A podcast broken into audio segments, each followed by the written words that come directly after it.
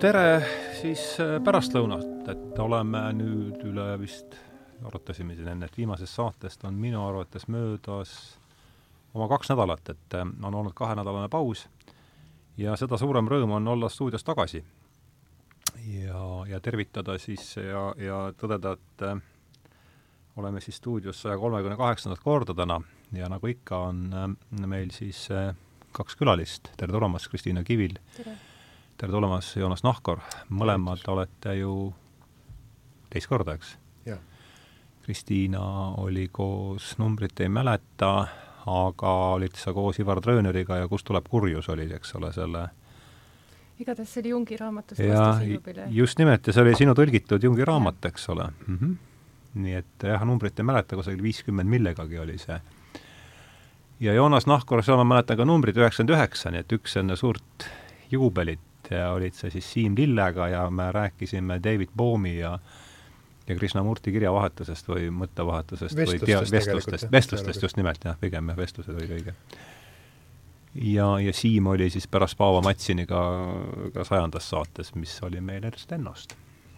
nii et äh, igatahes on suur rõõm teid äh, siis äh, taas tervitada, Kristiina on samas, teist korda samas stuudios, Joona, Joonasega oli meil ju, see saade toimus meil, eks ole, Tartus. Jah, nüüd olen mina siia tulnud. jah, ja täna on meid kokku toonud jälle üks Kristiina tõlgitud raamat. selle raamatu siis originaal on, on siin, see on The Experience of God, Being, Consciousness, Bliss, Consciousness, Bliss, David Bentley Hart uh,. ja jah, see on siis originaal ja mis on ilmunud, kaks tuhat kolmteist oli vist või? ma vaatasin justkui täna sinna siis. jaa, ma vaatasin ise ka üle, oli küll, jah. ja, ja mul on suur-suur hea meel, et äh, ja põhjustest, miks mul see hea meel on, sellest me jõuame rääkida, oli, eks? et sel aastal ilmus siis Kristiina tõlkes, nagu ma juba ütlesin, äh, David Bentley Harti raamat Jumala kogemus, olemine, teadvus, õndsus.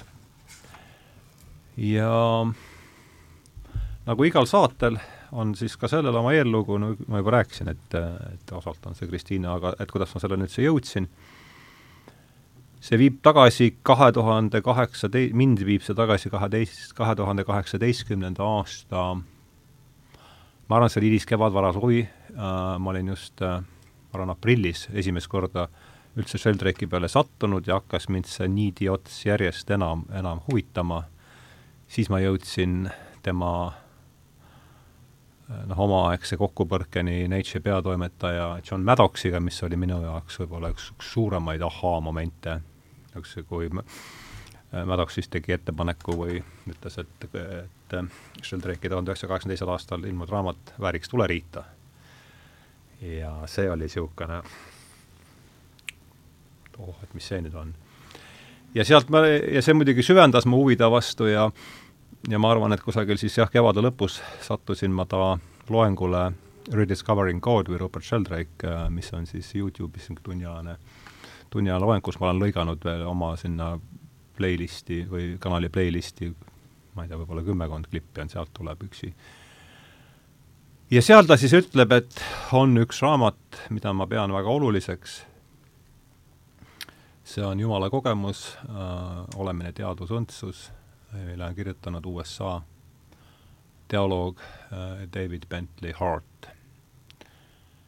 ja, ja miks ta seda peab oluliseks, on just see, nii palju kui mina nüüd aru saan sellest, et David Bentley Hart ja, ja kohe me kuuleme teie mõtteid sellest kohast, et see ongi võib-olla koht, kus asi kaima lükata, ta uurib erinevate kultuuride, eri, erinevate kultuuride arusaamisi ja, ja, ja Jumala kogemusi ja, ja üritab siis leida sealt mingit sellist ühisplatvormi ja see on see, kuidas mina nüüd tagantjärgi, kus selle raamatu lugemisest on, on möödas minu jaoks, jah, ma lugesin seda ka kaks tuhat üheksateist, vastu kahe, kaks tuhat kaheksateist, kaks tuhat üheksateist jõulude aeg. ma lugesin selle raamatu läbi originaalis, nii et seda, selle raamatuga olen tutvunud ja, ja aega on küll natuke mööda läinud ja ja kaks tuhat üheksateist kevadel, kui ma läksin äh, Brasiiliasse kvalifikatsiooni tõstmise kursustele.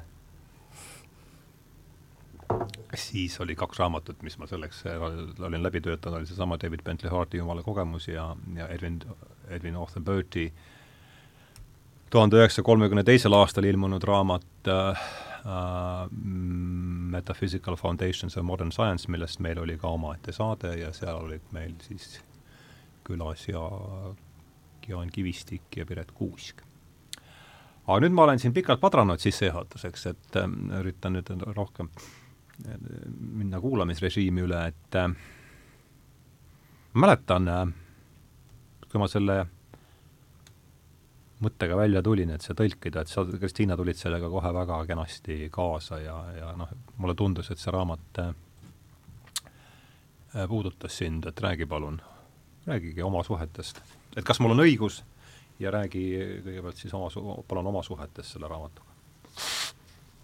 no kui ma räägin esiteks täiesti subjektiivsest kogemusest, siis jah, kui ma selle raamatu kätte sain, ma olin juba enne nõusoleku andnud seda tõlkida mm. -hmm. võib-olla kui ma oleksin enne lugenud, siis ma ei oleks julgenud nõustuda, aga kui ma selle raamatu kätte sain ja avasin, siis äh, jaa, kohe tekkis ikkagi see side mm, -hmm. isiklik side ka selle raamatuga, et ma hea meelega sa olid lubanud enne teha, jah mm? -hmm. jah, see oli mm -hmm. tegelikult niimoodi. sa okay, küll kirjeldasid seda raamatut mulle ja, ja rääkisid, et millest see, noh, mingil määral mm -hmm. ma kujutasin ette, et mida see endast kujutab mm, -hmm. aga ma ei olnud lugenud. nii.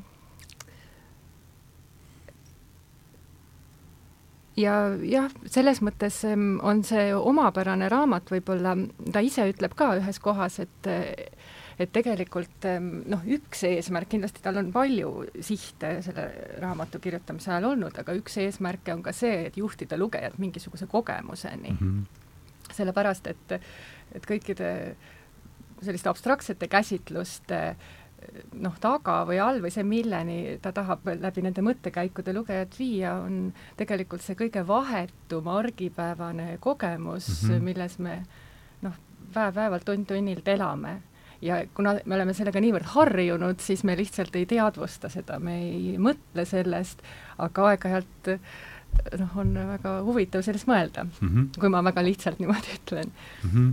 et see on kindlasti üks liin ka selles raamatus, üks selline eesmärk, ma arvan mm, -hmm. olnud.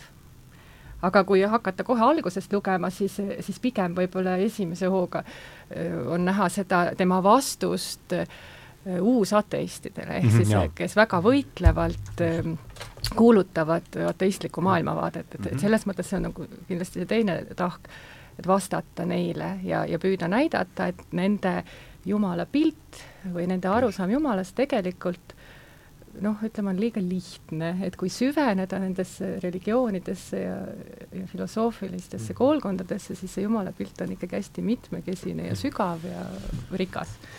Mm. -hmm see on võib-olla esimene selline sissejuhatus, aga äh, jah, ma oligi, et rääkides saate taustast, et nüüd vahetu põhju, vahetu põhjus või vahetu tõuge selleks saateks tuli tegelikult hoopis jo Joonaselt, kes ütles, et te olete Kristiinaga rääkinud ja võiksite tulla sellest äh, Joonas kirjutas. veel rääkima võiksite veel tulla veel rääkima ja ma olin muidugi kohe nõus, sest see oli niivõrd hea, et, et vastasin kiiresti ja aga et äh, miks, kuidas, kuidas sina selle raamatuni jõudsid ja, ja ja, ja miks sa mulle selle kirja kirjutasid? Või meili kirjutasid? Äh, võib-olla natuke peegeldas kõigepealt teie mõtetelt, oli siin, kui Hardo käis välja selle, et et see on nagu erinevate kultuuride jumala kogemuste mingisugune kontsentraat, siis mul tuli täpselt sama mõte, mis tuli tegelikult Kristiinale, et Hart alustab ju sellest, et et äh, klaarida need vastuolud, mis on tänapäevases usuateismis nii nagu esile kerkinud tema jaoks ja teda väga häirivad. et põhimõtteliselt ta väga nagu raskesti läheb üle sellest mäest, et, et ta hakkaks kirjeldama midagi peale selle, mis teda häirib. et, et ta kirjeldab selle igasuguseid äh, vastuolusid tänases diskursuses ja alles raamatu lõpus äh, jõuab siis selle hetkeni, kus ta kus ta ütleb, et võib-olla see ongi nii-öelda tänapäevane hakkamasaamisstrateegia, see uus ateism, et mm -hmm et tuleks lihtsalt seda võttagi sellise nagu äh, kuidas ta, opiaadina või, või palliatiiv ütleb selle kohta, et äh, nii-öelda tuimestuse äh, te, see TBH ütleb, et see on palliatiiv, ma ei mäleta seda. jaa, see on täitsa mm -hmm. lõpus niisugune, vot nüüd ongi see koht, kus me võib-olla saame mõne tsitaadi varsti välja otsida mm. -hmm. mul on juba esimene koht. et Jaa. Äh, ma pärast vaatan seda. aga see jah, mis, mis nagu kogemuseni juhib, et ta tegelikult äh, hästi hea kujundi toob välja seal kellegi teise suu, suu läbi, aga ikkagi esitab seda siis, et on äh, inimene, kes kõnnib äh, laanes või metsas, mis on inimese poolt nagu peaaegu et puutumata, näeb seal linde ja puid ja põõsaid ja tuult ja päikest. ja siis äh, ta satub sellise hiiglasuure punase kera juurde, et näha on, et see ei ole saanud, keegi ei saanud seda sinna transportida, siis puud on ümber, siis ei saanud ülevalt kukkuda, siis muidu oleks maas auk, aga on üks hiiglasuur punane kera, niisugune kõva ja, ja siis hmm. ta ütleb, et äh, inimene, kes sellise asja peale satub, peab olema täis imestust. Äh, aga milleni ta seda laiendab, ütleb, et te, tegelikult ähm, me olemegi nii-öelda selle palliatiivi või tuimestuse all unustanud ära, et tegelikult kõik siin maailmas, sealhulgas inimteadvus, elu, mm -hmm. ongi sellist imestust ja, väärib. päris hea.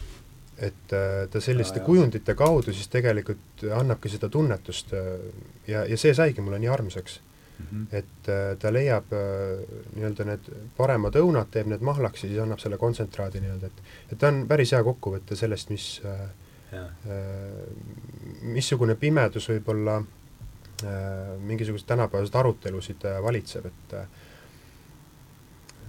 noh, ütleme nii, et ta, ta tegelikult toob päris palju seda argumentatsiooni nii-öelda, mis, mis Jumala üle käib, no ütleme, et, et ausalt öeldes me Kristiinaga mõlemad nõustusime, kui üks õhtu rääkisime, et tegemist on ikkagi suures joones apologeesiaga, et mm -hmm. kuigi ta ütleb algusest saadik, et ma ei hakka siin apologeesiat tegema, aga siis nagu Uku Masing hakkab, et ma pean ikkagi üritama teha mm. -hmm. et ja lõpuks siis äh, ta, see, see kõik apologeetiline jutt seal, et kuidas ta siis püüab nagu äh, Äh, mõistuse tasandil ikkagi lahendada seda konflikti nagu mm -hmm. siis äh, noh, mis, mis tegelikult ei olegi konflikt, et, et ta pidevalt mainib, et me ei saa äh, teha mingit eristust, et me räägime usk versus teadus või mõistus versus usk, vaid et sellise konstruktsiooni ta täielikult lahustab ära ja ütlebki, et usk on tegelikult mõistuspärane mm. -hmm.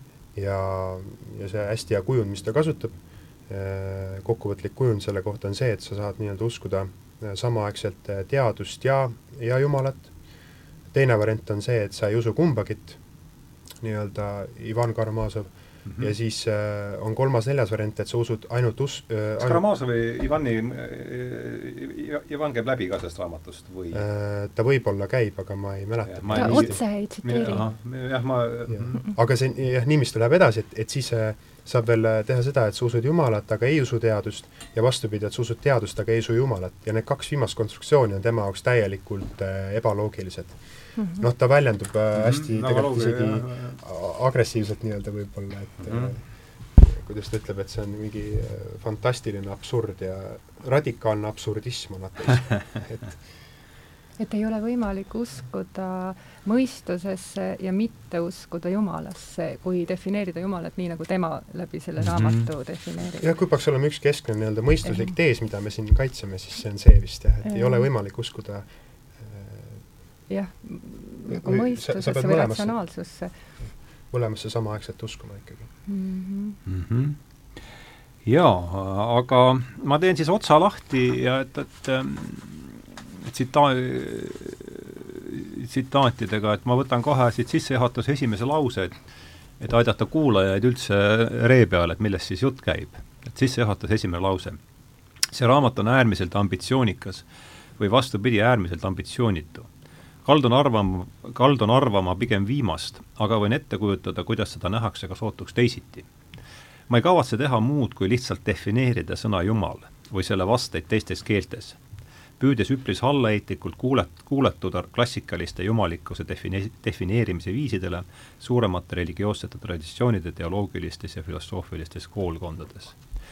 et teiste sõnadega öeldakse meil siis sissejuhatuse esimestes lausetes, et ta ei ürita midagi muud, teha midagi muud, kui defineerida sõna Jumal, mis on tõepoolest ühest küljest ei ole ja kõla on, ongi täpselt nii, et see on ühtaegu nii väga ambitsioonikas kui ka väga ambitsioonitu projekt, et kuidas äh,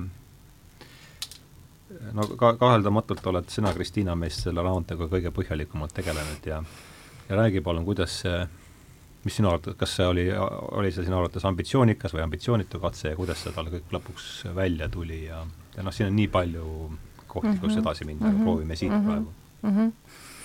Mm kõigepealt ähm, ta on, ta nagu ühendab ähm, tõesti päris mitmel tasandil vastandeid või kuidagi püüab kokku tuua mingeid vastandeid.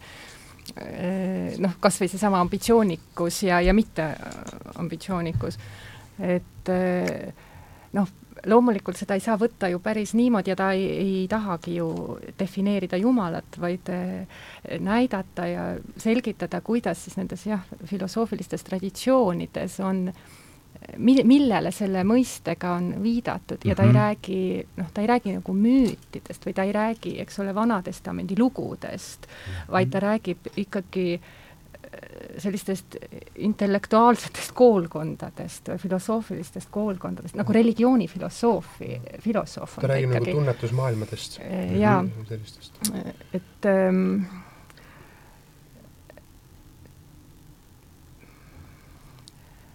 äh, kui ma korraks haakun veel selle eelmise jutuga, see võib-olla seondub sellega ka praegu, et ühest küljest ta usub mõistuse äh, ratsionaalsuse sellist väärtust, aga teisalt ta ütleb, et mida vanemaks ta on saanud, seda vähem on ta samas hakanud uskuma sellise ratsionaalse arutelu veenmisjõusse mm, -hmm. et kelle, kedagi oleks võimalik veenda mhm. milleski sellise ratsionaalse arutelu tulemusena mm. -hmm et seda ta samas ise väidab ka ja ta pigem usub äh, mingitesse kohtumistesse mm -hmm.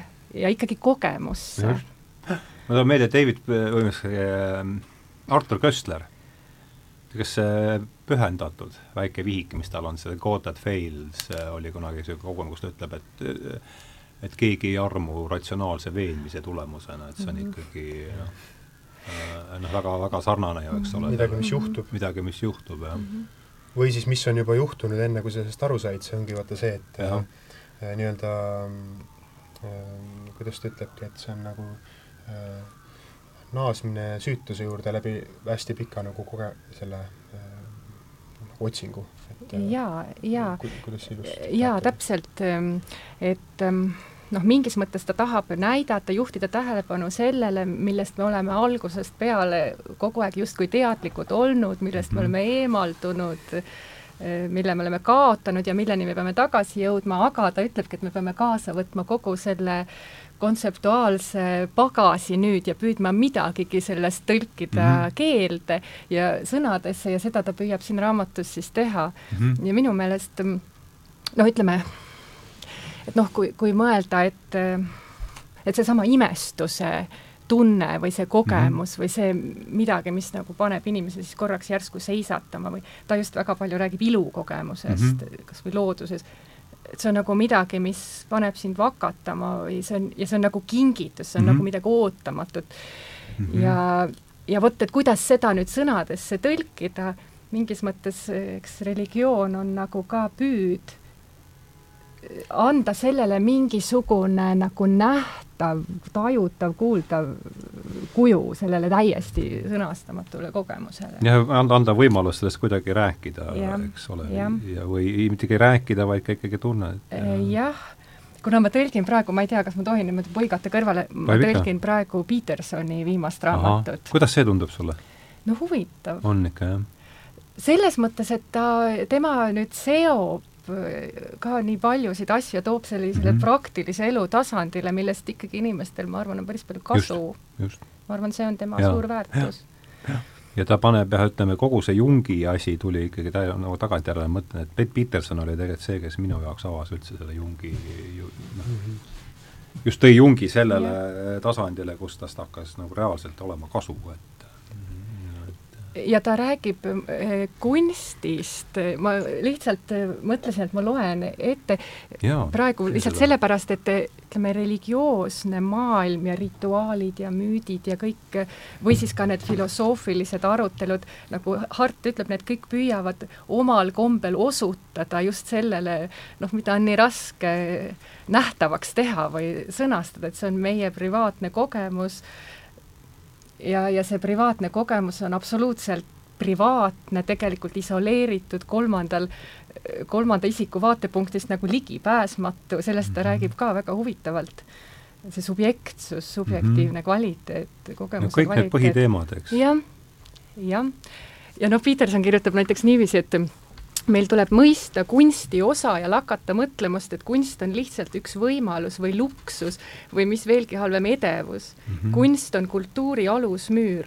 ta on mm -hmm. selle protsessi alus, mille varal me end psüühiliselt koondame ja jõuame mm -hmm. produktiivse rahu Päris sõlmimiseni teiste inimestega. mille varal me ennast psühholoogiliselt koondame. sest et ta teeb nagu nähtavaks midagi, noh, mida veel ei ole, ei ole võimalik sõnastada, aga ta nagu just. juba natuke nagu no see on väga Jungi, jungiaanlik tunnetusteooria, eks ole, et see mm -hmm. kusagilt tulevad ikkagi mm -hmm. läbi kuva mm, -hmm. läbi kujutluspiltide mm -hmm. ja kogu selle tuleb see jah, Joonas, mis sa, kas see mõte sii-, seni räägitu on sind tõuganud mingile huvitavale see tõukas rajale? küll hästi äh, sellele, ma siin natuke lehitsen, äh, et ühte asja leida, aga võib-olla me ei peaks seda jällegi tegema. tegelikult ma räägin nii, nagu puusalt tuleb.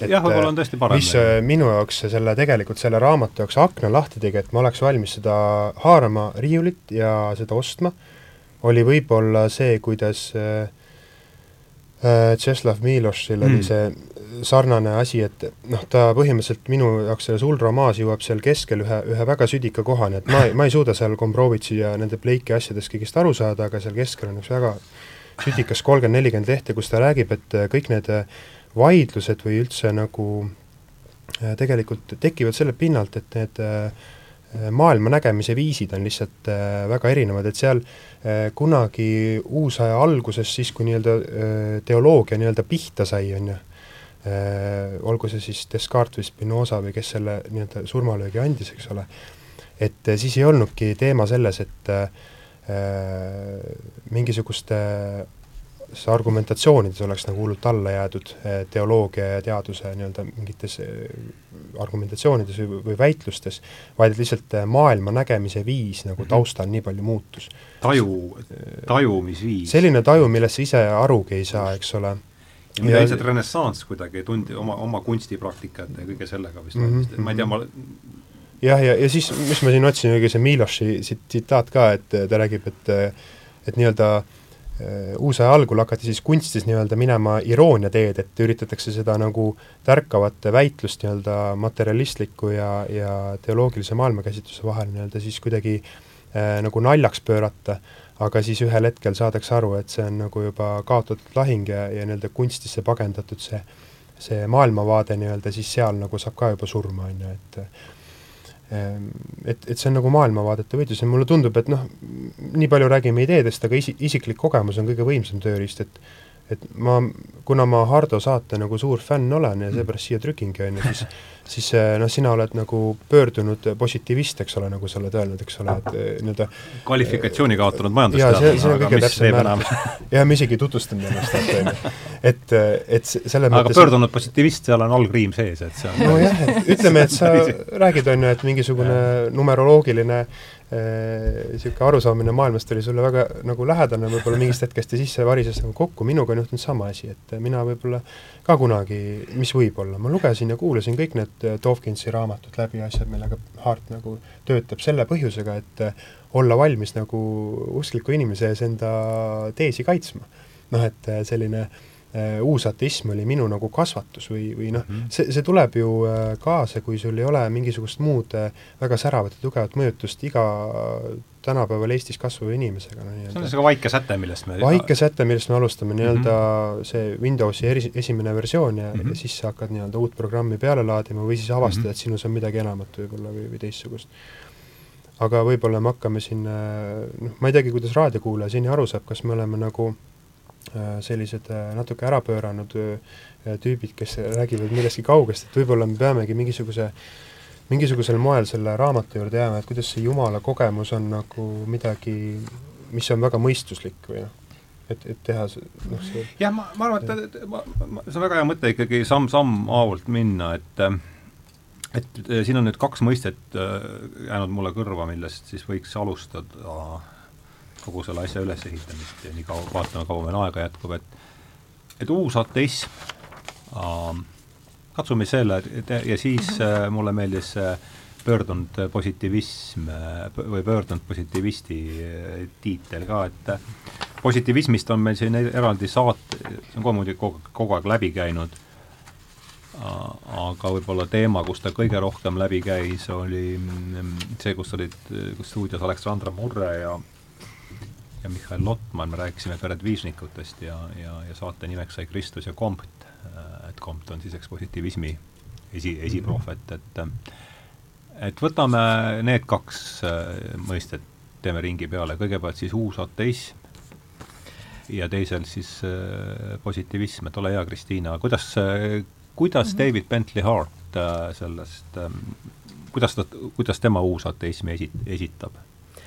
Ma lu-, lugesin ühte tema raamatu arvustust, tähendab mm -hmm. ühe autori arvustust ähm, kuna mina isiklikult vist olen liikunud rohkem sellises ruumis või sattunud lugema ja kuulma selliseid asju, mis, mis minu jaoks uus ateism ei ole kusagile niimoodi välja valgustanud, siis mm -hmm. selles artiklis vähemalt oli öeldud, et viimastel aastatel või viimastel aastakümnetel on ikkagi kujud, kes väga aktiivselt ja agressiivselt teevad siis sellist ateistlikku propaganda või no kuulutustööd mingis mõttes. missioonitööd. jah, Richard Dawkins, Daniel Dennett, Sam mm -hmm. Harris, sellised nimed ja, ja David Bentley Hart püüab siis äh, näidata seda, kuidas noh, nagu ma ütlesin jah, et nende, et nad räägivad tegelikult mööda sellest, mis suurtes religioossetes traditsioonides on Jumala kohta väidetud. et nad ei ole tegelikult ikkagi tuttavad sellega. hästi tugevalt rõhutan siin juurde jah, et see ei ole mitte nagu Hart vastanduks neile, vaid ta ütleb, et põhimõtteliselt ma võin üheksakümne protsendi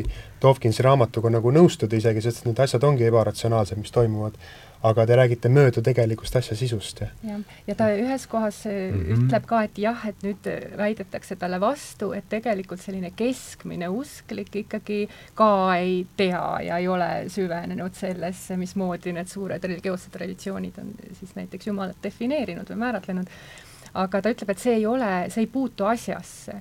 et kui sa hakkad sellelt nii-öelda keskmiselt usklikult küsima, siis ta ikkagi vastab sulle näiteks, et Jumal on vaim, ta on kõikjal, ta teab kõike mm, -hmm. et et noh, tegelikult need vastused, mida ta annab, ehkki ta ei ole kogu selle traditsiooni rikkusega tuttav, ei ole vastuolus sellega, mida need, kes on siis süvenenud ja tegelenud põhjalikult ja läbi mõelnud selle, on kirja pannud et jah, ta, nagu toob välja jah, et võib-olla kõige lihtsam uskliku suust sa kuuled ikkagi nagu sedasama, ütleme, loogiliselt sidusat või järjepidevat mingit versiooni, kuigi ma arvan, et siin ka ei ole kindlasti mingit reeglit, et igaühe suust on jah, ja sellist asja nagu keskmine usklik kindlasti ei ole ja, olemas. see, see on nagu konstruktsioon.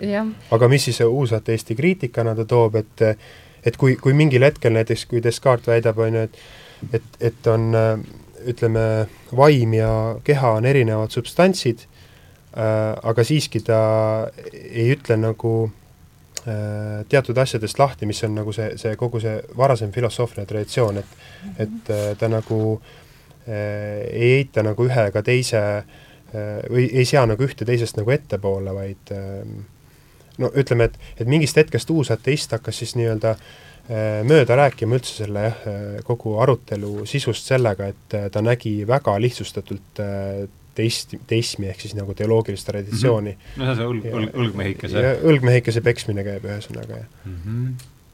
aga see eesliide uus just, et kas äh, veel kord, ma olen kolm aastat on sellest lugemisest mööda läinud. ta väga pikalt sellest ise, ta ise selle, sellest väga pikalt ei räägi, aga siinsamas jällegi selles artiklis, mida ma lugesin, äh, see autor väidab, et tegelikult ega selles uusateismis midagi uut ei ole, et see, need on kõik needsamad noh, ideed, mis siis üheksateistkümnendal, kahekümnendal sajandil ateistlikes tekstides on olnud mm. -hmm. esil, ma, ma ise ei ole nii tut-, no ma ei ole tuttav, aga, aga vähemalt niimoodi äh, ta väidab et noh, ma võin lugeda, võib-olla noh, ma võtsin kaasa ühe akadeemia mm -hmm. Dawkinsi üks artikkel on siin, et lihtsalt jah, Richard Dawkins sellest saatsid sa pildi? saatsin sulle pildi, et lihtsalt ähm,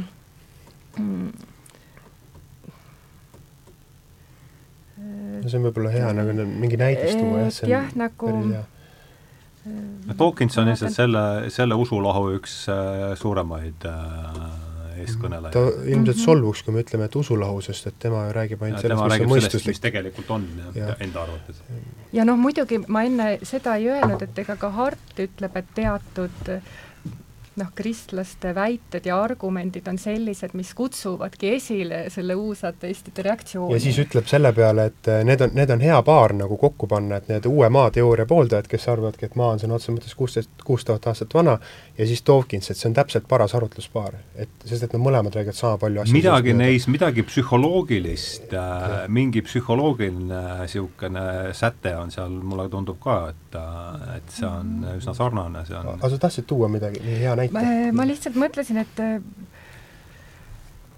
ähm, noh, näiteks on mõned äärmiselt keerulised küsimused, mis puudutavad universumi päritolu, füüsikaseaduste ja aluskonstantide päritolu, aegruumi kõverust, kvantide paradoksaalset käitumist ja teadvuse olemust. Võimalik, et inimkond ei jõua iial teda rahuldava täieliku mõistmiseni, ent kui me jõuame, siis söandan kindlalt ennustada, et selleni viib meid teadus, mitte religioon noh, et selles mõttes um, ükskõik kui väike on tõenäosus, et teadus saab ühel päeval aru kõigest, mis puudutab kosmost ja elu olemust, veel väiksem on tõenäosus, et seda teeb religioon mm. -hmm. see on Dawkinsi mm -hmm. seisukoht ja see on see, millele kohta esimene viide eriti on, mul tõi meelde selle nähtuse, mida, mida Sheldrake on siis kohta on öelnud Popperile viidates, et see on see lubadusmaterialism, et et me praegu küll ei suuda neid, äh, meil praegu kõikidele, ei ole kõikidele küsimustele vastused, aga andke meile veel sada aastat ja mm -hmm. ja, ja tuhat miljardit, triljonit dollarit, et küll me siis need äh, vastused välja no, mõtleme. ta ütleb, mis on selle asja viga või nagu võib-olla kui üritada Harti nii-öelda imiteerida praegu mingi vastuargumendiga, siis isegi Dovkinson tunnistab, et võib-olla teadus ka ei jõua, aga teadus ikkagi jõuab lähemale. see rajaneb eeldusel, et on mingi teleoloogiline äh, niisugune konstantne või, või ilus nagu maailm, mis seal kuskil terendab, mis on täielikult mõistetav. aga Hart ütleb, et seda täielikku mõistetavust ei saagi kunagi äh, tegelikult olla ja väga otsesed katsed ka Jumalat kirjeldada on äh, nii-öelda nagu peaaegu et Jumala tapmised või noh, nii-öelda, et ja miks see on nii-öelda teoloogilises traditsioonis olnud selline väga raske teema, et äh, kuidas sa otse nagu Jumalat kirjeldad, et see on alati ju subjektiivne. ja pluss sellest on otseselt vastuolus sellega, mida kirjutas Toomas Kuhn, et siin see, kui, kui, kui Dawkins tuleb sellest nurgast, siis ta ju ütleb seda, et, et meie praegune teadmiste tase, mis on olemas, et see on kõige noh, et see on kõik kokkuvõtted, see on kõige kõrgem, aga et kui noh, toimuvad paradigma vahetused, et siis noh, teadus ei käi niimoodi, et ta on noh, ühest küljest küll jah, et ta läheb küll samm-sammu haavalt, aga noh, aeg-ajalt toimuvad tohutud mõtteraamistiku vahetused ja, ja noh, mingis mõttes hakatakse jälle kogu asja uutel alustel algusest peale üles hästi ägedalt ehitab seda argumentatsiooni üles nagu just nagu ühe usundiloo taustal, see Mark Vernoni uus raamat, mis ilmus ka seal Postimehe sarjas, see Ristiusu salajane ajalugu, seal on nagu, võetakse algusest lahti inimese individuaalsuse kujunemine nagu religiooni taustal, et mm -hmm. et mis ta ütleb, ongi see, et et äh, praeguse aja katsed nii-öelda äh, võib-olla uusatistide poolt ka võtta nagu sõna-sõnaliselt piiblist mingisuguseid äh, väiteid või viiteid ja siis keerata neid nagu selle teoloogia enda vastu, et on nagu äpardumised, sest et ükski tegelik kirikuisa ka ei noh, kes, kes on nagu autoriteetne allikate kirjeldaja, väga ei väida nagu, et need on sõnasõnalised kõik konstruktsioonid. Ja, ja mis nagu äh, tuleb sellest siis äh, välja on see, et äh, mm, see, ma olin Mark Vernoni juures, et äh, see mm, mul läks mõte kaotsi praegu. ma ei no, tea, kas sa tahtsid, sa mõtlesid, et algus, võib-olla minul praegu seostus see eh, nagu sellega, noh, kui jälgida nagu lapse arengut, vaata sa ütlesid, et nagu inimkonnas on mingi areng, et sa alguses nagu midagi koged, sa oled üleni selles kogemuses, sa lihtsalt mm -hmm. koged elu enda ümber, siis sa mingis mõttes distantseerud sellest, sa hakkad mm -hmm. ratsionaalselt seda analüüsima. koolis öeldakse, et tuleb nii teha jah, ja see on, see on noh, ka meile antud, noh, selles mõttes me olemegi ratsionaalsed olendid, et paratamatult me hakkame ka ratsionaalselt mm -hmm. analüüsima ja siis ühel hetkel oleks vaja nagu kokku panna need, see vahetu kogemus, noh, et mhm. see ei kaoks täiesti ära.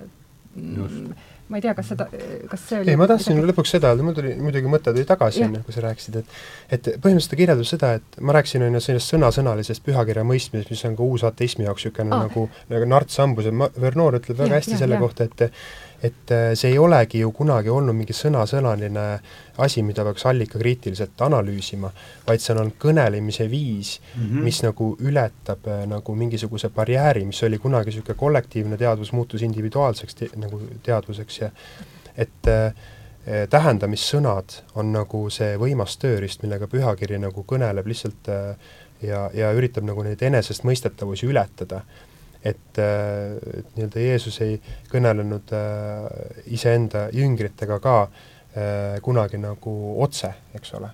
et seepärast, et ta sai aru, et kui sa üritad nii-öelda, ah, toob ka hea kujundi, et kui sa üritad pimedas see on isegi mingi, Uues Testamendis on mingi ühes nendes evangeeliumis üks konkreetne koht ju, kus ta ütleb, et pärast seda ta ei rääkinud enam ilma tähendamissõnadeta, ta ei rääkinud enam midagi. kus, kus kohas? seda ma ei pannud tähele. aga ühesõnaga, et see, see kujund, mis tuuakse jällegi, hea kujund on see, et et nagu üritaks pimedale selgitada nagu sõnades, mis asi on punane värv mm. -hmm. et, et sa pead ikkagi pimeda ja. kuidagi tegema nägijaks, on ju Mm -hmm. ja, ja, ja siin ongi see koht, kus see on, räägitakse mööda. see on TVH tsitaat või, et sa pead... ma ei mäleta, kas see oli Vernooni või Harti omast, nüüd on mul asjad sassis, ma olen liiga palju lugenud viimasel ajal. Vernoon arvatavasti. Vernoon, sina tead seda parem ei, ma mõtlen, see vist ei olnud Hartis mm. -hmm. aga see sõnasõnaline piiblilugude mõistmine ei ole selles mõttes, piiblilugudele lähenemine, ütleme näiteks Vana-testamendi lugudele, ei ole tõenäoliselt sellepärast õigustatud, et meil lihtsalt puudub igasugune ettekujutus sellest, kuidas tolle aja inimesed tegelikult maailma tunnetasid. just nimelt, jah et me ikkagi projitseerime ennast sellesse aega ja,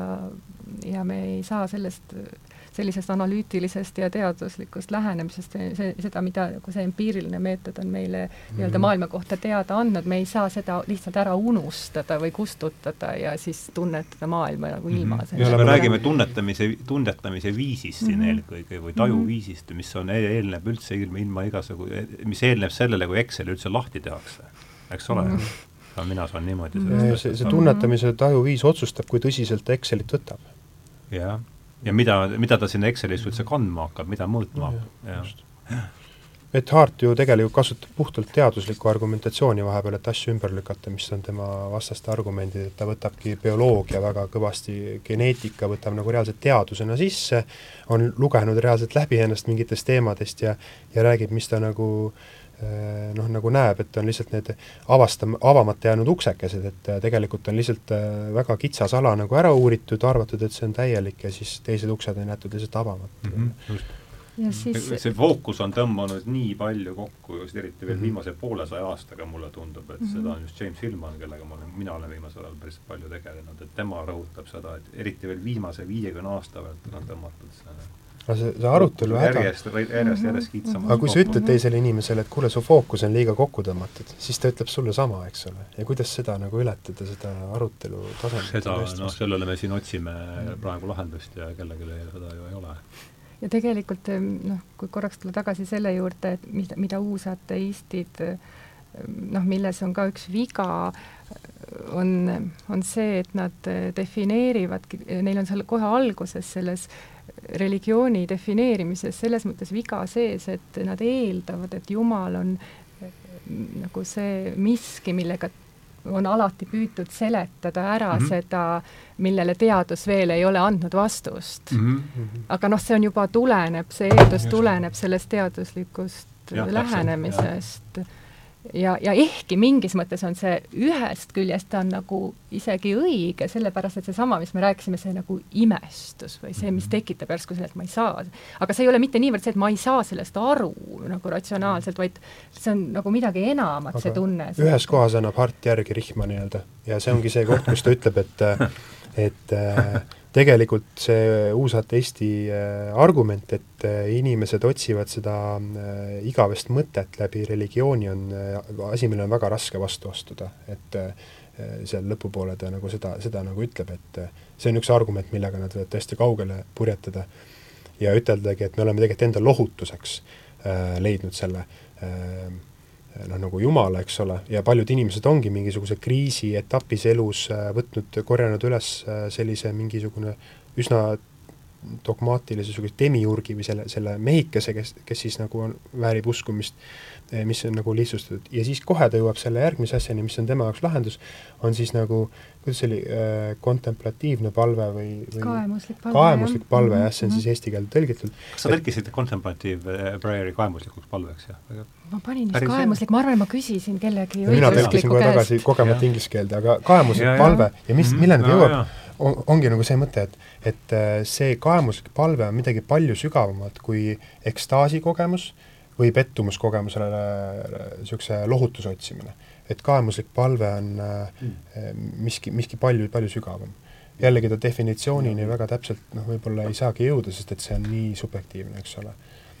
aga ta ütleb, et see on nagu, kaemuslik palve on nagu pidev praktika, et ületada seda äh, sõltuvust ekstaatilisusest ja, ja, ja noh, pettumusest mul tuli me-, kui tuli meelde lihtsalt see subjektiivsuse asi, et ähm, pidas äh, nädal aega tagasi või varem tagasi pidas Richard Tarnas loengu sellel selle Rich- äh, James Hillmani, James Hillmani kursusel ja ta rääkis sellest subjektiivsusest toreda loo, kuidas kaks behavioristi alus, arutavad äh, oma äsja lõppenud suguakti. Ja üks ütleb, et oi, et küll sul oli hea, et räägi, kuidas mul oli, noh. et siit, kui me läheme positiivismi juurde, et siis see on nagu, see on nagu üks koht, kus äh, noh, võiks siit nagu edasi minna. et äh, positiivism äh,, behaviorism kõik need ismid, et kuidas võtame need sõimusõnad kokku, et Harti jaoks on siis üks sama sõna on, võib-olla me panime positiivismi ise juurde, aga siin raamatus on naturalism, naturalistlik maailmavaade, materialistlik maailmavaade mm. -hmm. positiivistlik, täpselt sama asi on ju Mm -hmm. mis selle üldse definitsioon on siis? ja üritaks jah, need ismid mm. -hmm. kuidagi mingi ühe katuse alla tõmmata, et see oli nagu teine, uusateismist me siin nüüd natuke rääkisime mm. -hmm. paneme selle, paneme siis selle kausta korraks kõrvale. kuigi üks asi, mis ma tahaks siia lisada, kui Petersoni nimi käis juba läbi, esimeses lehes, mis ma selles tähenduse teejuhtides, ma intervjueerisin David Fullerit, kes pani Petersoni esimesena sinna soo-, suure kella külge. tema ütles, et Peterson et kui Peterson tuli avalikult debatti, et siis ta nägi internetis esimest korda sellist äh, suhtumise muutust, et uusad, uusateistid Dawkins ja see kamp, see no, sattus kaitsepositsiooni ja et noh, just küsimus oli see, et kes meist see on nüüd siin õigupoolest naiivne. Mm -hmm. sest mm -hmm. eks Dawkins ja vot see on väga hästi pandud küsimus. kes väga, meist on kes meist on naiivne? õigupoolest, on Mhm. siin naiivne Mhm. jah, et, et see, see raamat, kui nii-öelda reklaam, üks slogan oleks eh, vaja valida, siis ma valikski selle, et jah, mulle tundus küsida. ka, et selle jutu taustal on see päris hea küsimus no. Mm -hmm. mm. nii, aga lähme siis selle, mis meil seal kõik olid, naturalism, behaviorism äh,, positiivism, tegu on maailmavaatelise muutusega. Hart, okei okay,, võtame siis Harti loogikast selle, et tema näeb esiteks seda, et teaduslik meetod ja naturalism ei ole üks ja sama asi. just. teaduslik meetod on midagi, millega inimene õppis puurima ennast ühe kindla nii-öelda vaatevälja sügavusse mm -hmm. nii-öelda teleskoopvaates või mikroskoobi vaates ta suudab ainesse väga lähedalt sisse minna mm, -hmm. mis ei sule nagu teisi uksi enne ära tegelikult mm -hmm. tema jaoks. ta räägib Aristotelese nendest neljast äh, põhjusest, et ta ütlebki, et sellega, kui me näeme ainult nagu seda, et me saame ainult teleskoobi või mikroskoobiga maailma paremini tunda õppida, et sellega me kao-, kaotame ära selle äh, vormiva ja finaalse põ- põhjuse, jah.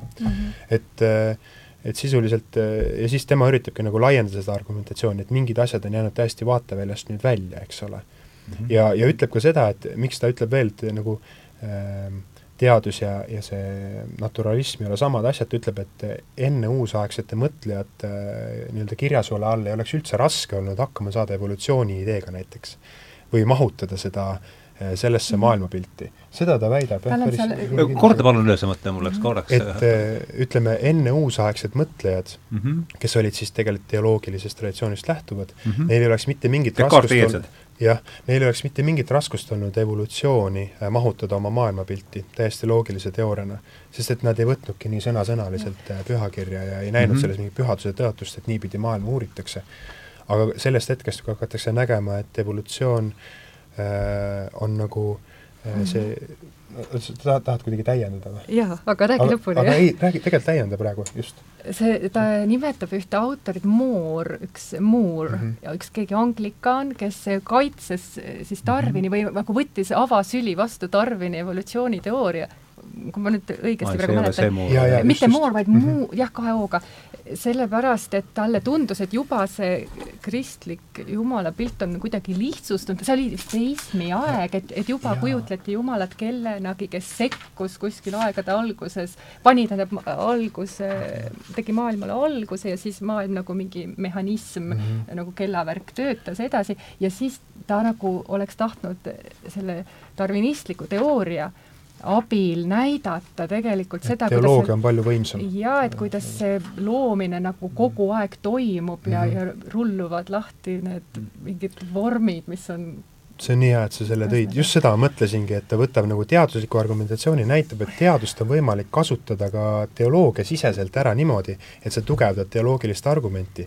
tähendabki, kui hakkavad tekkima eh, mõned teoloogid su kõrvale, kes ütlevad, et Jumal oli üks demiurg, kes lõi maailma ühel ajahetkel ja sealt edasi on lahti rullunud mingisugune tegelikkus, siis ta üt-, tahab öelda, et loomine toimub pidevalt ja see evolutsiooniteooria nagu aitas sellel muuril äh, nii-öelda tugevdada seda argumenti, et äh, Jumal on nii-öelda pidevalt mm -hmm. juures ja loob äh, ma täiesti kasutaks sellist võimalust, et siit ma olen seda paari vestluse lõpus küsinud, aga ma küsiks täna siin vahepeal seda, et jällegi ma tulen, eks me kõik tuleme ju ja selles kogu asja võlu ju ongi, et me tuleme siin praegu erinevatest nurkadest, erinevad asjad huvitavad meid erinevatel aegadel, et mina olen praegu ikkagi selle Hillmani mõjuväljas ja ja tema lause, üks, mis mulle eriti kuidagi jäi meelde, et meelepõhi on äh, poeetiline, et kuidas mm -hmm. äh, kommenteerige palun seda väidet äh, just mm -hmm. eriti Hardi, Harti selle, Harti raamatu taustal, et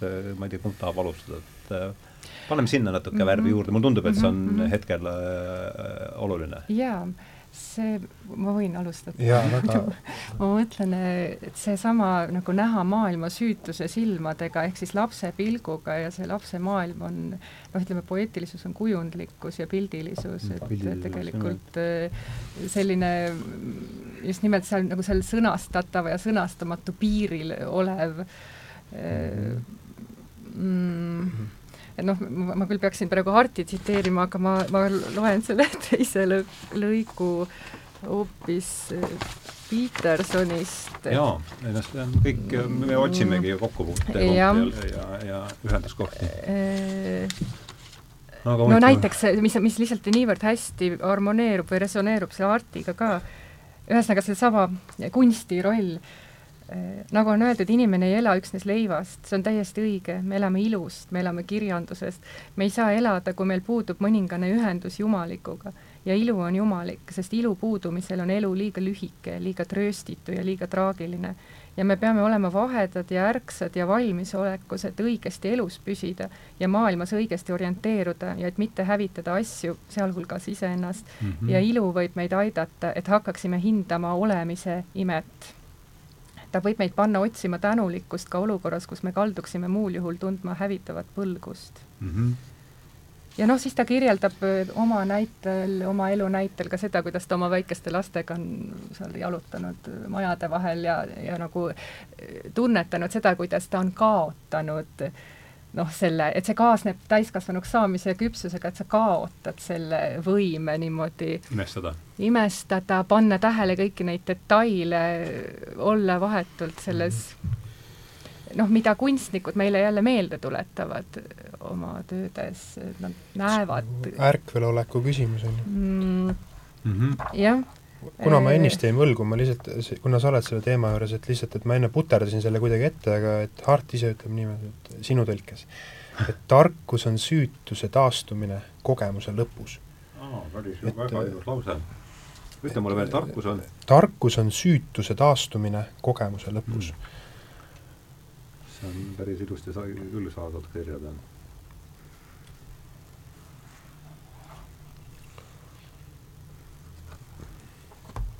palju ta seal äh, Jung, kas ta ju, võtab, kas ta Jungi võtab üldse jutuks seal või? või, või, Peterson, Hart. Hart, jah. minu meelest mitte. minu meelest ka ei olnud see, jah. minu meelest, ei. üldse on üllatav, kui palju neid nii-öelda autoreid ta jätab käsitlemata ja tõesti no, Dostojevskist on nii vähe juttu ja niimoodi. tegelikult ma küsin Jungi kohta, jah mm. Aga, aga noh, ütleme tema teadvuse käsitlus, mis mind ennast ka kuidagi väga köitis, see ei ole sugugi Jungi, Jungi käsitlustega nagu ühildamatu minu meelest, et ta, ta nagu just ütleb väga põnevalt, et teadvus on noh, selge see, et ta on midagi palju enamat kui, kui see, mida me igas hetkes teadvustame, mis on meie see hetkekogemus, et selles on noh, näiteks kas või me ju ei teadlikult ei, me ei teadvusta seda, kuidas meil süda lööb või, või kõik keha toimib ja me teadlikult ei juhi seda. Ja samamoodi noh, on ka mingisugune dimensioon, mis on ka juba seal piiri peal, eh, mida me ei teadvusta tegelikult selle teadvustamatuga kontakti kogemus. saavutamine käib nii-öelda tõesti läbi selle äh, noh, negatiivse akti, et sa, sa pead mingisuguse nagu kihi või nagu sellise uduse pildi nagu pealt ära kaotama, et seda näha. et siin võiks nagu kukkuda tagasi täiega sinna Krishnamurti saatesse, kus see negatsioon oli teemaks, et äh, nüüd mäletan. jah, et noh, see negatsioon tähendas seda, et sa saad jõuda millegi jumaliku või, või tõeliseni, ainult läbi aa, see on see apofaatiline teoloogia sisuliselt vist, eks ole, et äh, jätame kõrvale aga, kõik selle, mis ei ole Jumal, et kui me hakkame äh, vot ma ei tea, võib-olla see on mingi intellektuaalne niisugune mm -hmm. sellest asi, ta aga... räägib ka, Hart räägib ka minu meelest see tuleb sellest nurgast, eks, nii palju ma mäletan teda. jaa, arvatavasti just jälle sellest kogemusest, et see on noh, peaaegu et sõnastamatu ja siis me jätame kõik välja, kõik selle nagu elimineerime, mis kirjeldab meie kogetavat reaalsust või sellises taga, tavakogemuses kogetavat reaalsust, näiteks see, et et kõik sõltub, kõik on pidevalt millestki sõltuv mm. -hmm. see sattumuslikkus, et, et kõik siin füüsilises maailmas või meie kogetavas maailmas on millestki pidevalt sõltuv. noh mm -hmm., kas või sellest, et ma hingan hapnikku ja ma olen tegelikult on see contingent, mida ta kasutab või? Contingent, jah mm., sattumuslik, on see õige? noh, jah, no just, et selles mõttes ta, niimoodi ta defineerib, et sattumuslikkus nii, äh, tähendabki seda millestki sõltuvat mm, -hmm. tegelikult pidevalt millestki sõltuv olemist, ka seda, mis on minevikus olnud mm.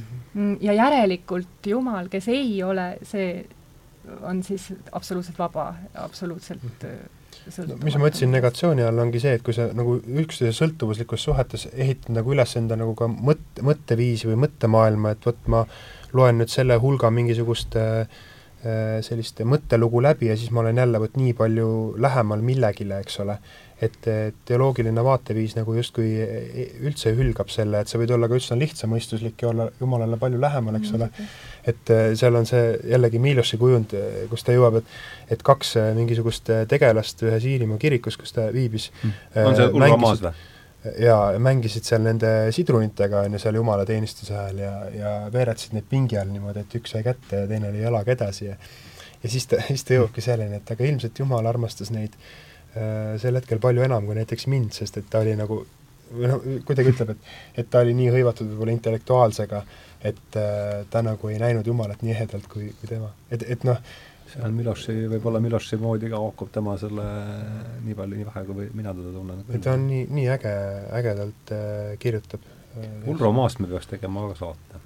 võib-olla tõesti see..., aga mina ei oleks seal kindlasti õige, siis peab olema no, noh, ilmselt Lindepuu või keegi jah, see, kes tunneb seda Poola mõttelugu see oli ka ikka täiesti niisugune raputav, raputav raamat. mind ta raputas jah mingil määral.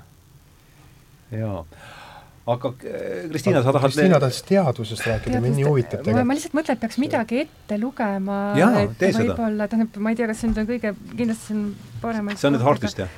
jah, et lihtsalt mm, noh, no ütleme, ma loen seda, kuidas see teadvuse peatükk algab hetkedel, mil maailma kogemine avab meie silmad eksistentsi kummalisusele, sellele puhtalt õnnekombel kingitud olemasolule, noh -hmm. sellele, et üldse miski on olemas. seisame silmitsi kahe samaaegse müsteeriumiga või siis vähemalt müsteeriumiga, millel on kaks võrdselt mõistatuslikku poolust.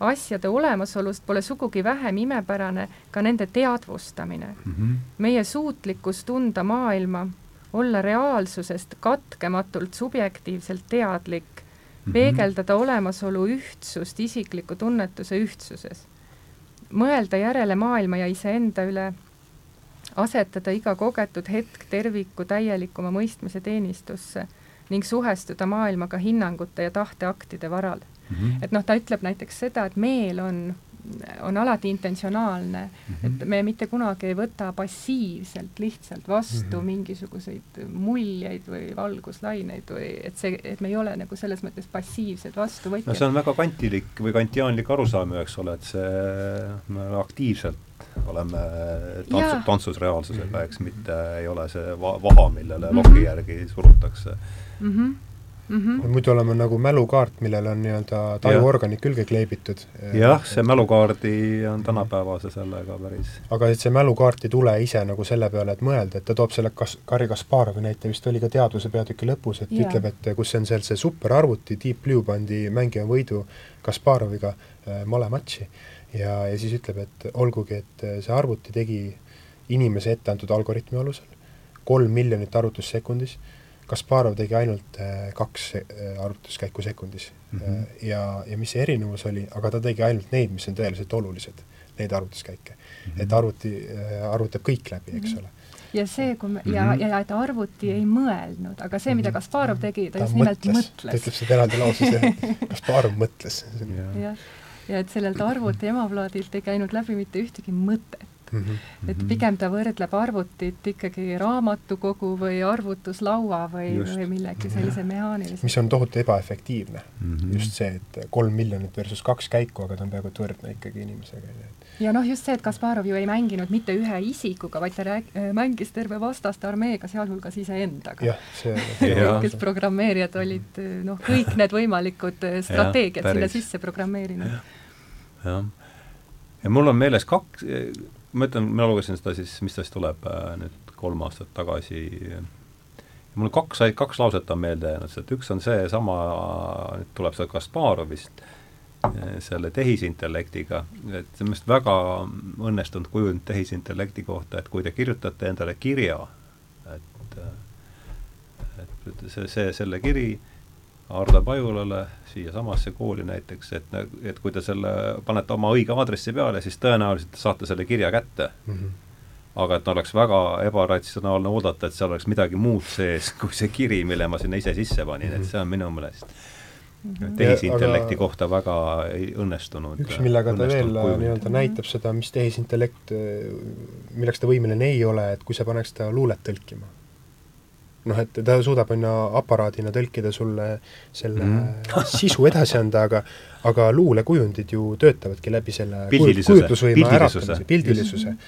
ja kogu seda pildilisust ei suuda ealise luule või noh, tehisintellekt nagu leida. sa paned ta õppima erinevaid maastikupilte näiteks, et näitad talle kolme miljardit fotot äh, ilusatest maastikest, ta, ta ikkagi ei suuda luua ilusat luuletust neist maastikest, eks ole. Sest noh, puudub kogu see transpersonaalne peenar, millest meie see kart-, kartesiaanlik ego ju välja kasvab ja, ja ma kujutan ette, me ei ole küll vähimalgi määral tehisintellekti asjatundja, aga mulle tundub, et see, mida nad seal järele üritavad teha, on ikkagi see noh, kohvi, kohviga, kohvi ja, ja, ja hommikuse ütleme, kella üheksane ego, nagu ta leiab kontorist sealt ennast. aa ah, jaa, need Tarnase need erinevad eh, päevased faasid, eks ole, et mm -hmm. ja, ja missugused? Noh, et, et sul nagu teaduse, teaduse need seisundid muutuvad isegi ühe pöö, ööpäeva äh, raames sinu enda märkamatu nii palju, et sa ei ole tegelikult praktiliselt nagu sama isiku no nagu paneme te,, paneme tehisintellekti und, und nägema, vaata, mismoodi see veel välja tuleb mm. -hmm. ma arvan, et see on see, kui nüüd minna mm -hmm. noh, see on no, ütleme, jah. Peterson võrdlebki kunsti, et kunstil on ühiskonnas umbes sama roll nagu unenäol inimese mentaalses ja. elus, et see on midagi nagu noh, et see kunstnik nagu maadleb ja võitleb ja püüab nagu teha midagi sellist uut nähtavaks mm. -hmm. ja mhm. kui, ja ta ütlebki, et noh, et on patt, kui see on nagu tagurpidi pööratud, ehk siis me püüame kunstiks teha midagi, mis on juba nagu sõnastatud, sellepärast et siis see on propaganda jah, seda ta ütles küll yeah., jah. aga see, Hardo, sa tõid ükskord äh, sisse hästi ägeda kujundi, minu meelest oli, sina tsiteerisid Sheldrake'i, et et mis juhtub pärast surma. Mm, -hmm. et juhtub see, et sa jäädki nägema me näeme unenägus edasi, aga me ei aga jah, ei ärka üles. Ja see pani, see on selle teadvuse asjaga otse seotud, et kui palju on nii-öelda teadusest transpersonaalne, et, et sellise käsitluse puhul, kus sa kujutad ette, et sa näedki und edasi, Eh, see tähendabki, et sinu keha ja, ja see nagu aparaat on välja lülitatud lülitist, aga aga und edasi näed sa ikkagi seetõttu, et nii-öelda või noh, see saa üldse ei ole siis selle kehaga on seotud. aga, aga ja see on täiesti kuskil mujal, see teadus. ja ükskõik, mida Aktuaalne kaamera meile ka ei kinnitaks selle kohta, ega nemad teavad seda sama vähe, mis pärast surma edasi saab, kui aga ma tahan öelda, mis minu, kuidas minusse endasse mõjub, minusse see mõte tegelikult väga sügavalt mõjus Äh, see on üks väga hea põhjus, miks otsida juba siinpoolses elus äh, nii-öelda lunastust või mingit meelerahu mm. -hmm. et äh, mõtle, missuguseid unesid sa näed. Need on päris annab, õudsed. see annab või kogu no, sellele ja kui sa mõtled, et sa ei ärkaks sellest üles et see ongi see siis, siin, et kui juhtuks see, et see alateadvus nii-öelda jääb elama nii-öelda unenäona ja kõik need põgenemisunenäod või, või nagu mingid haiged unenäod, mida ma näen ja need jäävadki minuga ja siis, siis see annab väga palju materjali, et ma tahaksin tõesti nagu no see on, siis oma, omandab põrgu juba täiesti sellise konkreetse... nähtava mõõtme minu jaoks, jah. Ütles väga kihvti väljendi või lause, mis ma panin Tarnaselt, see viimane kaks nädalat tagasi, kui ta seal loengu pidas, et et time has no clock-like kas see oli clock-like meaning või? Seal või mingi teine sõna mul kirjas see kusagil ütleme, et see oli meaning, et time has no clock-like meaning in the womb. Ehk siis enne sündi, aga noh, täpselt samuti tal ei ole ka peale surma. Mm -hmm. uh, no, no clock-like uh, mm -hmm. meaning, et uh, ma vaatan, kuidas see täpselt oli, see on ennast huvitav jah, kui me tuleme siia ellu, me hakkame nagu kogemust üles ehitama, mis meil nagu eeldus on see, et meie ümber eksisteerib Nii, mingi maailm, kus on nii-öelda al-, ajaline algus ja ajaline lõpp võib-olla ja, ja meie oleme selle nagu ühes väikses lõigukeses siis elame et äh, mingis, mingis reaalsuskäsitluses, mida nagu teoloogia üritab ka nagu mõista, ongi see, et see mingi ajatu arusaam. vaata, äh, Hart peaaegu tõmbab võrdusmärgi teadvuse ja kogemuse vahele. et, et äh, tegelikult teadvus ongi just kogemus, et selles ja. mõttes, et aga mis seda mõistet sisustaks natuke rohkem, sest need tunduvadki nagu hästi sarnased või nagu piiritud? jah, ütleme mm, teadvus, kogemus eeldab teadvust, ma kujutan ette. Ehm, ja Või... see, ütleme nii, et kui ta, kui ta seal tähendab, ma enne ütlesin, et, tema väide on, et teadvus on intentsionaalne, et alati mm -hmm. nagu suunaga ja sihiga et ta toob näite, et kui ma võtan siit kruusist lonksu, arvates, et see on vein, aga tegelikult ei ole siin on õlu.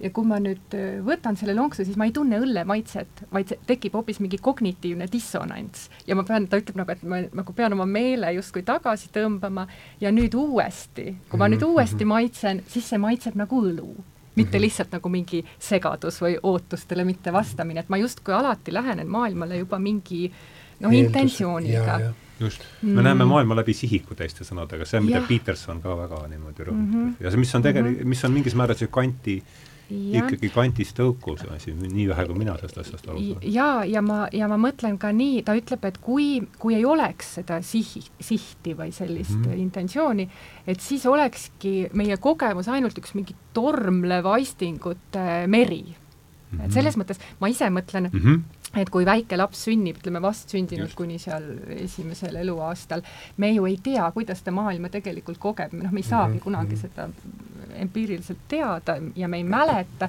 üks põhjus, miks me ei mäleta, on ka võib-olla sellepärast just, et, et seal puuduvadki need noh, ütleme objektid, et tegelikult sa, see kõik on nagu ütleme, visuaalne sümfoonia näiteks või selline, et seal, seal väike laps võib-olla üldse ei koge, et on üks meesterahvas ja teine ja, ja, ja esemed ja mikrofon ja laud ja, ja see maailm niimoodi ei ole objektidena, vaid ta on üks noh, ja kusjuures minu arust kõige huvitavam on ju veel see, et ta ei pruugi aru saada, mis tuleb seest ja, ja mis tuleb ka. väljast, et see on veel, veel eriti äh... just, just osa psühholooge ja just jungiaanlikus koolkonnas sellest ka räägivad tegelikult, et äh, isegi nad ütlevad niimoodi, et ema äh, nagu äh, kuidas öelda, introduces mind to body, et, et nad räägivad sellest, et hing nagu peab selle kehaga kehasse tulema mingis mõttes, et ta peab nagu noh, mother introduces and reintroduces the baby's mind and body to each other. et, et ta üldse hakkab tajuma jah, ennast, eks ole, kehana või -hmm. õpib tundma lihtsalt seda, et see kogemus võib olla täiesti äh, nagu sa ütledki, et kõik on üks selline, ma ei tea, sümfoonia -hmm. mingisugune liigendamata kogemus. ja noh, väide on see, et nende kaugetel, kaugetel aegadel, et oli ka kogu see inim, inim, inimteadvus võis olla mm -hmm. sellises, sellises olukorras, kus see üleüldse ei ole see mm -hmm. seesama, et see piir minu, selle mm -hmm. kartesiaanliku mina ja, ja muu maailma vahel oli, oli, oli poorne mulle see, see mõte kuidagi väga meeldib mm, -hmm. et see, noh, ikkagi osana, ta tajuti ennast osana, tajuti ennast osana mm -hmm. tervikust mm -hmm. rohkem noh, ja jällegi aga tegelikult see oli täitsa nagu, see on see jällegi Vernoni mõte vist on ju see, et või noh, paljud kindlasti kirjeldavad ja jääme siis originaali juurde, et Hardo kirjeldas seda nii, et et see inimene äh, oli mingisugune niisugune tegelane kaugel enne Kristust, kes ei suutnudki iseennast tuvastada individuaalse äh, olendina ja siis mm -hmm. see on Vernoni argument, jah. hakkas seda nagu tegelikult tunnetama noh, läbi selle, kuidas ta üldse ennast Jumala suhtes positsioneeris mm. -hmm.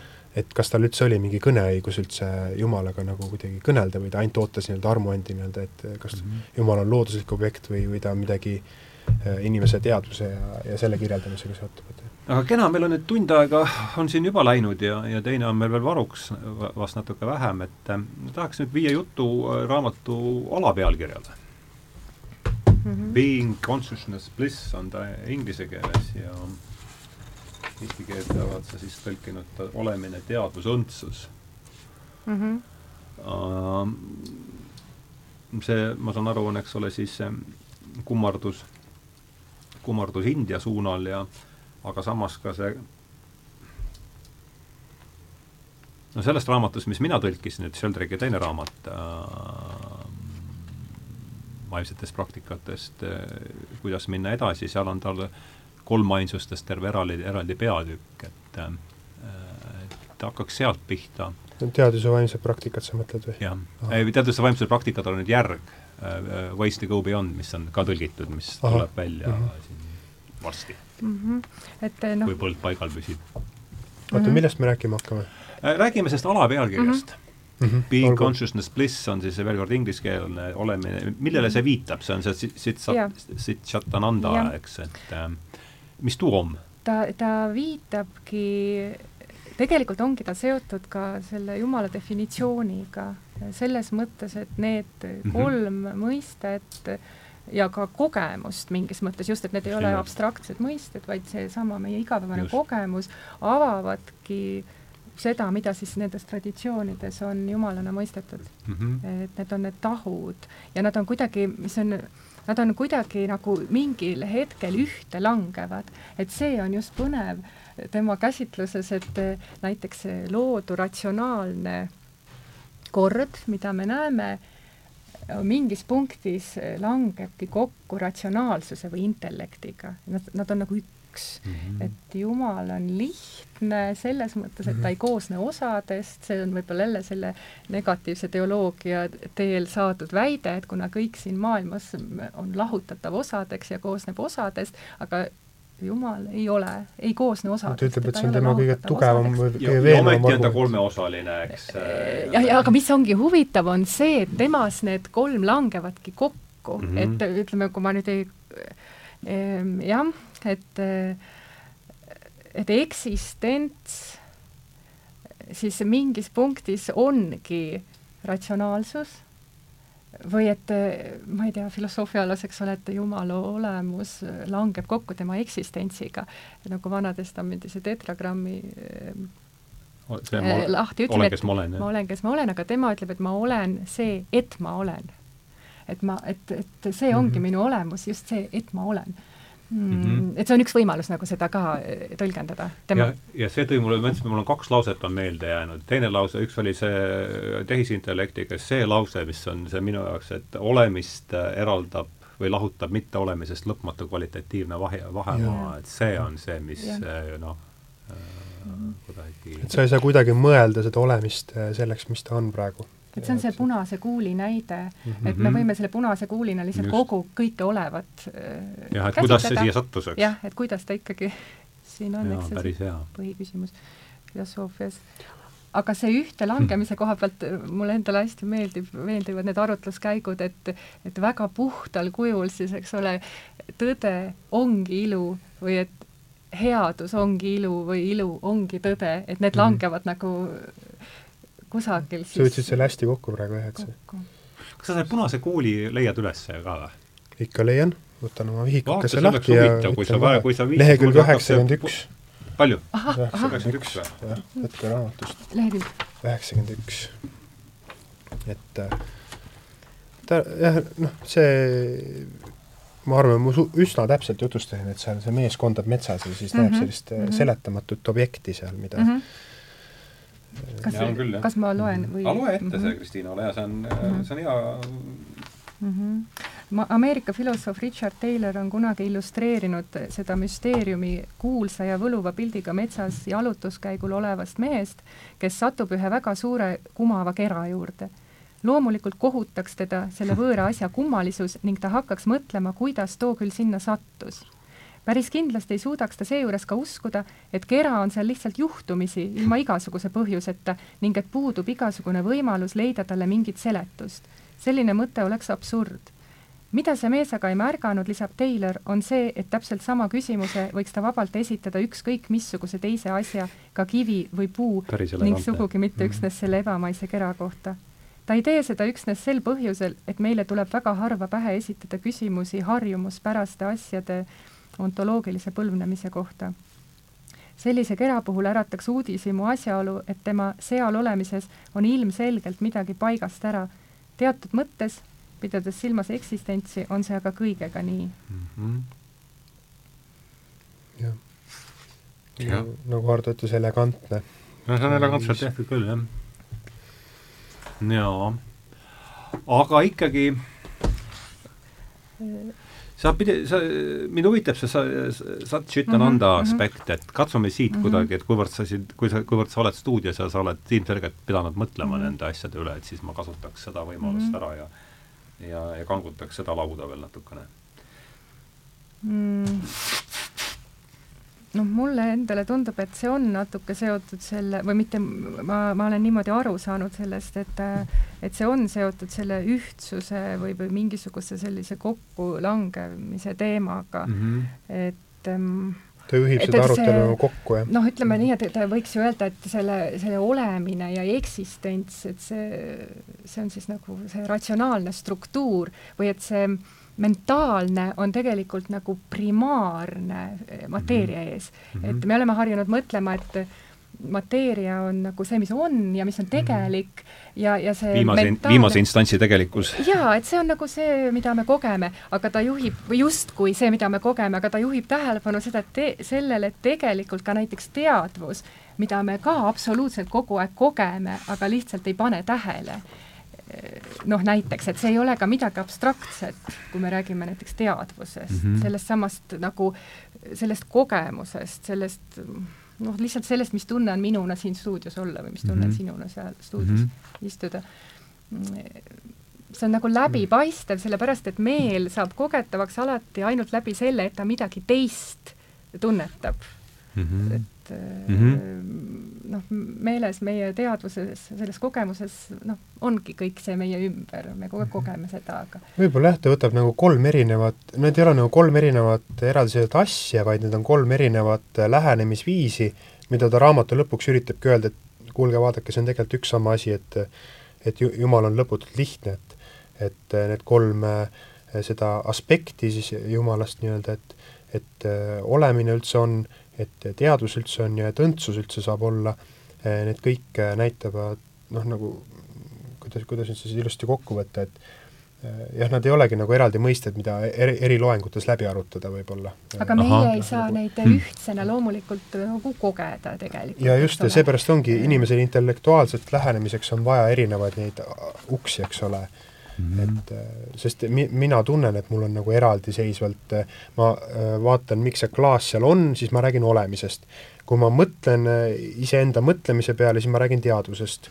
ma ei suuda näha, et need kuidagi üks asi on, on ju, et ah, et ja, ja ühesõnaga, et see tunnetusakt ja, ja see klaas kui objekt on no meie jaoks kaks eraldi asja, aga tema läheb tagasi siis vist Aristotelese juurde, et Ahah. seal on mõlemas on seesama üks ja sama nagu vorm või ja need on erinevad põhjuslikkuse tasandid või, või see, kuidas see oli see et kõige kummalisemal kombel tegelikult selles klaasis ja selles minu tunnetusaktis ongi päriselt mhm. kusagil mingi tegelik nagu ühtelangevus. see on see, mida see, see epistemoloogia on äh, inglise keeles on see participatory, on see osalus ja osalus ta ütleb, ja just nimelt osalusprintsiibile on mm -hmm. see mhm. tunnetus on osa mm, -hmm. et just nimelt, et see mm -hmm just, ta kasutab sedasama, seda osalussuhte mõistet, et me uusajal ei me ei taju nagu seda, ei oska mõelda sellest millegi tunnetamisest kui osalemisest ma katsun selles. ise leida üle koha, ühe koha üles mm, -hmm, et hoidke teid natuke siis mm, -hmm. mis tundub mulle mm -hmm. haakuvat sellega, et äh, hoia sa, Joonas, üleval praegu. no ma hoian sa... üleval, sest et äh, mul, mis mul hakkas jälle haakuma, et äh, vaata, me oleme rääkinud hästi palju sellest olemisest ja teadvusest äh, praegu, aga see õndsuse osa on jäänud natuke võib-olla mm -hmm. ära, aga siin õndsuse peatükis ta toob välja selle, et kuidas siis äh, kui inimene üritab ennast näha kui, kui midagi enamat kui lihtsalt äh, mateeria klompi, siis ta läheb siin geneetika tasandil arutlema, on ju, ja läheb võitlema reaalselt otse selle Richard Dawkinsi iseka geeniga. ja mm, -hmm. ja siin on üks hästi ilus nagu niisugune pool lehte, mida ma tõesti loeksin ette, et et noh, väidetakse, et see heategija ja kasusaaja eh, looduses on siis eh, eh, või noh, nagu et, et sa saad alati oma heateost nagu kasu, et sellepärast inimene on selliseks kujunenud, nagu ta on, eks ole mm. -hmm. aga, aga ta ütleb siis nii, et ja kui heategija ja kasusaaja ongi mingil määral geneetiliselt lähedased, siis see otsustav intentsionaalne impulss, mis määrab järgmisele põlvkonnale edasiantavad geenid, on ontoloogiliselt isetu liigil, mis on võimeline armastama, on geneetiline pärand sel põhjusel, et ta armastab. mitte, et ta ei armasta sellepärast, et makromolekulaarsel tasandil eksisteerib ellujäämisprogramm või mingisugune armastamise geen. ja siin tuleb see Harti äge nagu retoorika, siin ei ole isegi millegi üle vaielda. nii, teatud geneetilised koodid ehk siis möödunud põlvkondade loetav pärand ei säili mitte sellepärast, et nad on mingil müstilisel viisil isekad, et need geenid ei ole mitte isekad, vaid seetõttu, et need komplekssed organismid, millesse nad kuuluvad, just ei ole isik, isekad. ja et, mhm. et geenid ei ole endale kujundanud nagu ellujäämise sõidukeid, vaid pigem on elu kujundanud endale geneetilise järjepidevuse. Mhm. ja ta ütleb ka seda, et armastamisvõimeline olend on saanud noh, kujuneda sellepärast, et su-, meie suurema maailma tingimused on teinud selle võimalikuks mm. -hmm. ja just tänu nendele valikutele, just see ema äh, armastus, ta ütleb vanamoelise sõnaga armastus, eks see ema äh, noh, soov, eks ole, kaitsta, ema instinkt jah, kaitsta oma järglasi, ehk siis nagu, miks mitte ka isa instinkt siis, jah? jah mm, -hmm. on teinud, just nimelt, on teinud võimalikuks äh, sellise olendi noh, kujunemise, nagu inimene on mm. -hmm et just see nagu, kuidas ta pöörab nagu pea peale, et võtab selle, läheb otse nagu võitlusse selle iseka geeni asjaga ja ütleb, et elu on kujundanud endale geneetilise järjepidevuse. et seal on täielikult intentsionaalsus nagu sees juba mm, -hmm. kuidas ta geneetikat käsitleb. jaa, et hästi oluline on see, seesama Aristotelese neli põhjust, et ta noh, tahab ikkagi näidata, et see eesmärk, põhjus on tegelik. ja, ja, eks see see ei ole noh, see tuleb nagu kõikidest nendest, nendest mõtlejatest, kes on pakkunud huvi siin viimase kolme, et ikka igalt poolt, kelle, kes aga vähegi huvi pakub, see tuleb ikkagi Aristotelese kolmanda ja neljanda põhjuse juurde tagasi, seesama mm -hmm. vormiv ja et me tegeleme ainult esimese kahega kogu ja, oma selles kogu teaduslik revolutsioon minu meelest rajanes selles, või võib vähemasti niimoodi väita, et tõmmati kolmas ja neljas Aristotelese põhjustest äh, maha ja nüüd nad lihtsalt äh, ma ei usu, et nendele seal enam keegi ka kätt väga ette paneb, et see lihtsalt tundub olevat mm -hmm. see vaal, mille sõlgas mm -hmm. seljas, seljas me praegu sõidame mm. -hmm. aga võib-olla ongi see, et kui me jõudsime siia õndsuse peatüki juurde, et ongi see kokkuvõte ja, ja asjad ka, et nagu äh, mis üldse noh, see, ta toob selle argumentatsiooni ka sisse, et mida on nii-öelda moraalselt õigem siis uskuda, kas teadust või siis, või siis äh, Jumalat et äh, muidugi Dawkins ütleb otse, eks ole, et jumala uskumine on toonud nii palju vägivalda maailma, et äh, tasuks ikka uskuda teadust, et see on nagu nii-öelda vägivallatu, objektiivne ja ratsionaalne. et seal ei saa sündida mingisuguseid koletusi noh, me saame aru, mis kahekümnenda sajandi alguses juhtus just seetõttu, et naturalistlik maailmavaade väga tugevalt võttis ära nii-öelda tõkked või need teetõkked, mille, mis, mis inimsust nagu puudutasid mm -hmm. ja ütlesid, et jah, see relv on okei okay ja, ja seda sinna lasta on okei okay ja sellega mürgitada on okei okay,, et tuletame meelde, et marksism-leninism oli ju teadus, seda mina ei mäleta veel, kuidas seda natsionaalsotsialism oli ka ikkagi teadus lõpuks. eksamitki teha sellel teemal. ta ütleb ühes kohas jah, et igal ajastul on oma nagu eripärane kurjus ja et uusaja mm -hmm tema arust Aha. suur osa sellest uusajale iseloomulikust kurjusest tuleneb sellest, et et inimest nähakse masinana ja see tähendab, et meil ei ole mitte ühtegi objektiivset põhjust, miks mitte võtta ette parandustöid, et seda masinat siis äh, nii-öelda kõik, mis meile ei sobi mhm. või ei meeldi, on lihtsalt nagu funktsioneerimisrikked ja me peame ja.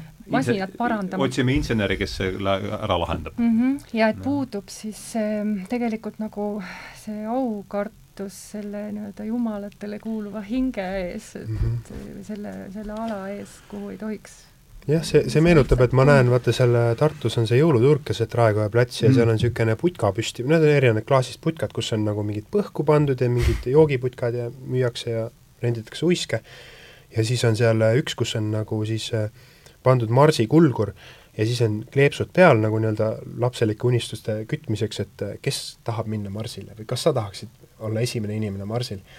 ja äh, praeguseks on teada üpris kindlalt, et ilma geneetiliste manipulatsioonideta ükski inimene ei teeks esiteks seda reisi ära ja teiseks ei suudaks seal äh, kohapeal hakkama saada. et äh, lihtsalt meie kogu füüsiline keha juba on niivõrd harjunud selliste gravitatsioonijõududega, sellise magnetvälja mõjuga, kõik füüsikalised mõjud, mis meile mõjuvad ja, ja see noh, päikese ööpäevane rütm, eks ole, selle kadumine täielikult on ju mingiks ajaks, et sa pead mingit kunstlikku lambikest panema põlema ja võtma ära, et saada aru, et sa oled nii-öelda, nii-öelda maa peal, kui sa mhm. seal äh, laavukeses on ju mitu aastat reisid. et, et see, see näitab, karmid tingimused maa peal näitab, on ikkagi palju lähemal see näitab, et sellised äh, asjad, millest tänapäeva nagu, ma olen vaata tegelenud tehnoloogia ja füüsikaharidusega, olen õpetaja, et see, missuguse hurraaga Äh, kutsutakse siis nagu ütleme siis niisuguseid üheteist-kaheteistaastaseid juntsusid, et noh, sina võiksid olla see, kes läheb järgmisele marsile, on äge, eks ole, on äge. noh, on äge, on ju. ja siis tegelikult see juntsu ei saa aru, et see tähendab siis sellist äh, et ta põhimõtteliselt peaks minema kümneks aastaks Nõukogude Hiinasse nagu geneetiliste manipulatsioonide alla, olema seal nagu täiesti ümberkujundatud organism, kes siis läheb mida tegema, koloniseerima tegelikult. Pole varsti vaja Hiina, Hiinasse sõita enam, mul on võib-olla tõesti, jah, see on küll lisandus aga ma leidsin selle koha üles, et äh, nüüd oli seesama osa, see mm, -hmm. see, see tuleb nüüd intervjuust Tarnasega, mille ma tegin üheksandasse lehte. ja, ja kuivõrd meil on siin jäänud nelikümmend pool tundi võib-olla jäänud, et et siis ma tahaksin viia mm, jutu reformatsioonile ja, ja no Hart tuleb ju idakiriku poole pealt, eks, et mis rolli see on siin mänginud, et see oleks võib-olla viimase poole tunni juurde aga, aga siin ma siis ühesõnaga, see keskne teema selles intervjuus oli ka Descartes, Luter ja Descartes äh,, millest ma tahtsin, sellest see kõik lähtus ja, ja see lõik, mis mulle tundub haakuvat sellega, kus me seda otsime, on järgmine, et sama kehtib, räägib Tarnast siis, sama kehtib laias laastus ka Descartesi kohta. Need on esiplaanil juba inimmõistus. tegemist on nagu uutmoodi mõistuse ja ratsionaalsusega, see on nüüd siis pärast Descartesi ja Luterit Charles Taylor on võtnud kasutusele substantiivse ja protseduurilise ratsionaalsuse mõisted selles raamistikus on Descartesi ratsionaalsus protseduurilist laadi.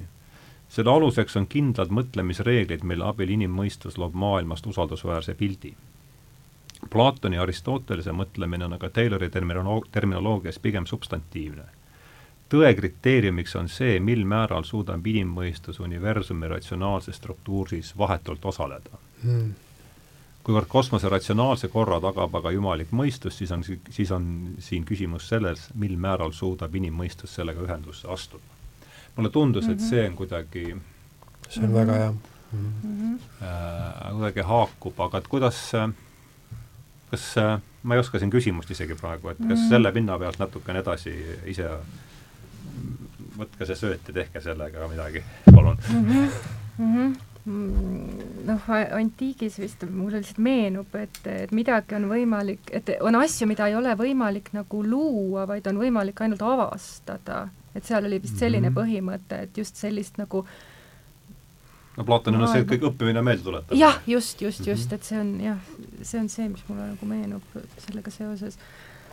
see osalus, ma vaatan, kas mul on siin midagi nagu, kus ma saaksin, mida ma saaksin Hartist ette lugeda selle kohta võib-olla mm, aga niikaua sa otsid, Joonas, kas sul on selle, tundus, et sa, sa kuidagi haakusid selle etteloetuga? ei, mulle meeldis see nagu see, see lõigu lõpp, eks ole, ma nüüd, mis need kaks kõrvust võõrsõna olid, substantiivne ja jah, ta tuleb Taylori juurde jah, et äh, osalemine maailma see- ratsionaalses see korras. osalemine substantiivne ja haakus- protseduur, protseduur, ja protseduuriline, Protseduuriline et, et ühtpidi, et, et see on siis kas deduktiivne lähenemine või siis see, et mi, pigem miski tuleb sinu peale, eks ole, et seal on kaks no ma paneksin pigem, või ma paneks deduktiivse, induktiivse ja ega siin me räägime siin oma, oma tajust, et ega siin pole kummalgi ju millele väga toetada, mina, mina isegi näen pigem niimoodi, et deduktiivne ja induk-, induktiivne on nagu selle protseduurilise lähenemise kaks osa, et, et mm.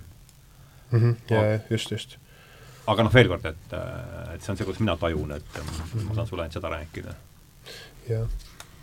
ja no mille, miski tuleb minu peale, see, see nõuab nagu teatavat sellist jah, alandlikku suhtumist, et selles äh, protseduurilises on selline eeldus juba sees, et äh, sina oled mm -hmm, just. võimeline mõistma ja, ja võimeline just. manipuleerima maailmaga sellisel viisil, nagu sulle on sobilik ja ja siis kinnitama oma maailmavaadet selle kaudu, et et see, see on üks asi, milles mina olen nagu selles mõttes kauge, et kogemuslikult kauge, et minu jaoks nagu ütleme, nagu kirikus käimine või sellised äh, tegevused on täiesti võõrad, eks ole. Ja, ja vot me käisime, see pühapäev käisime Kristiinaga koos õigeusu äh, teenistusel ja siis äh, ma sain aru, vaata ma ütlesin sulle pärast, et äh, olen nagu kangekaelaga inimene, Ain Kalmuse romaanis on see, see kangekaelaga inimene, kes siis, kellel on väga raske üldse mõelda, et on võimalik äh, oma pead kummardada millegi sellise ees, on ju -hmm. mis seal toimub.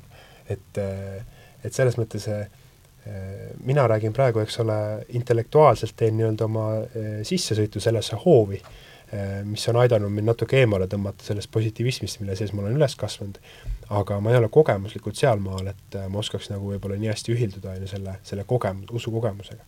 seetõttu see raamat nii palju nagu tähendabki mulle, et ta räägib ikkagi minu keeles sellest teemast, jah mm. -hmm aga, aga hästi äge, nagu lihtsalt mul tuli siin, viskas ette üks, et kuna te olite korra selle teema juures, et mm, -hmm. et mis, missugune üleminek on toimunud, et mul on Lev Šestovi raamat siin mis see, milline Šestov? See on Šestovi Hiobi vaekaussidel. et äh, no millal ta ütleb, et mis see, mis see mütoloogiline muutus nii-öelda on olnud, on mm -hmm. see, et on äh, vabade, nähtamatute, kapriissete ja isikupäraste vaimude trobikonna asemele, kellega mütoloogia oli asustanud maailma, lõi teadus viirastuste, alati ühesuguste ja muutumatute printsiipide uue maailma, nähes selles äh, siis muistse ebausu lõplikku ületamist mm. -hmm. Et tegelikult nagu üht, ühtviisi nagu natuke naeruvääristab mõlemat viisi, et on, on nähtamatud kapriissed ja isikupärased vaimud, neid on terve trobikond mm, -hmm. ja siis nüüdne metoloogia on siis see, et on viirastus, mis on siis alati ühesuguste muutumatute printsiipide maailm. kas ma võin vahele öelda, nagu unustan, et näiteks Hart just võrdleb aju ja teadvust samamoodi, et ajus, kus on nagu, kui sa vaatad füüsilist struktuuri, siis ta on üpris ühetaoline mingis mõttes, aga et see teadvuse kogemus, mis meil on, on niivõrd kirju ja mitmepalgeline ja mm, -hmm. ja värviline ja varjundirohke mm. -hmm, just või, või ka kui sa mõtled aatomite maailma või molekulide maailma või vähemalt need skeemid, mis meil silme ees võib-olla siis on, et mida see mateeria endast kujutab mm. -hmm. aga, aga ma võin lugeda ette siis siit natukene selle Satchitananda kohta. jaa, tee seda palun, see on jah, see on hea selle mm -hmm. teema kokkuvõtteks kindlasti. et selle traditsioonilise kolmiku laenasin India traditsioonist, sanskriti keeles on need Satchitananda, mis ühendatakse sageli üheks ainsaks nimisõnaks Satchitananda, mida saab kirjutada mitmel erineval viisil mm,. tõsi, sõna sat tõlgendatakse sageli tõena ja mitte olemisena ja siin võiks olemist tõlkida ka olevaks, ehk siis mm -hmm. ja mõnes India mõttekoolkonnas ongi sellest saanud tema põhiline konnotatsioon mm. -hmm. Mm, tegelikult on see aga oleviku kesksõna tegusõnast olema mm. -hmm. Mm, nii, esimene põhjus, miks ta on seda kasutanud, ütleb, et niisuguse kolmiku näol pakuvad nad eriliselt elegantset kokkuvõtet paljudest kõige iidsematest jumaliku olemuse definitsioonidest nii mitmegi traditsiooni metafüüsikas. Neid, kes on tuttavad kristliku teoloogia ajalooga, võlub selline keelekasutus eriliselt ka seetõttu, et ta asetub nii lummavalt lähedale klassikalise jum,, klassikalisele Just. jumaliku defineerimisele läbi kolmainsa loomuse. Näiteks Nyssa Gregorius mm -hmm. kirjeldab jumalikku elu kui teadmise ja armastuse igavest tegu, milles Jumal kui lõpmatu olemine on samas ka teadvuse piiritu tegu, milles ta tunneb ennast kui piiritult head seega on ta ka lõpmatu armastus, kes ühtaegu kõike ihkab ning kõike endasse vastu võtab mm.. sellisest kõnepruugis Hart no, Statistikaametis ei pääseks selle jutuga üldse löögile, et see juba laste saadaks. ei ole üritanudki saadetakse juba valvelavast tagasi ja ma arvan, et aga, aga kui vaadata, et meelepõhi on poeetiline, et siis mm -hmm. hakkab seal juba midagi niimoodi kooruma, eks. ja, ja mingis mõttes, vaata, me rääkisime, korra mul nagu käis peast läbi see mõte, et huvitav, et kuidas, et kas siin ei ole see nagu noh, et kas inimene ei või seda tõlgendada kuidagi nartsissistlikult, et jumal tunneb rõõmu iseendast, et, et kas me nagu mm. saame niimoodi mõelda. noh, ta ei toh-, tohiks muidugi üldse niimoodi mõelda, aga, aga, aga vaata see, noh, see ei olegi nii mm see on nii naljakas konstruktsioon, kuidas üldse on loodud see kujund, et Jumal tunneb rõõmu kellestki või siis iseendast või millegi tegemisest et, et nagu on õigeusu autorid, kes väidavad, et Jumal asetab omaenda loodu enda ette kui äh, antu, kui fakti, mitte kui midagi, mille ta on ise äh, noh, mis oleks tema kontrolli all, et selles mõttes aga ometi ta teab, mis nii-öelda saama hakkab.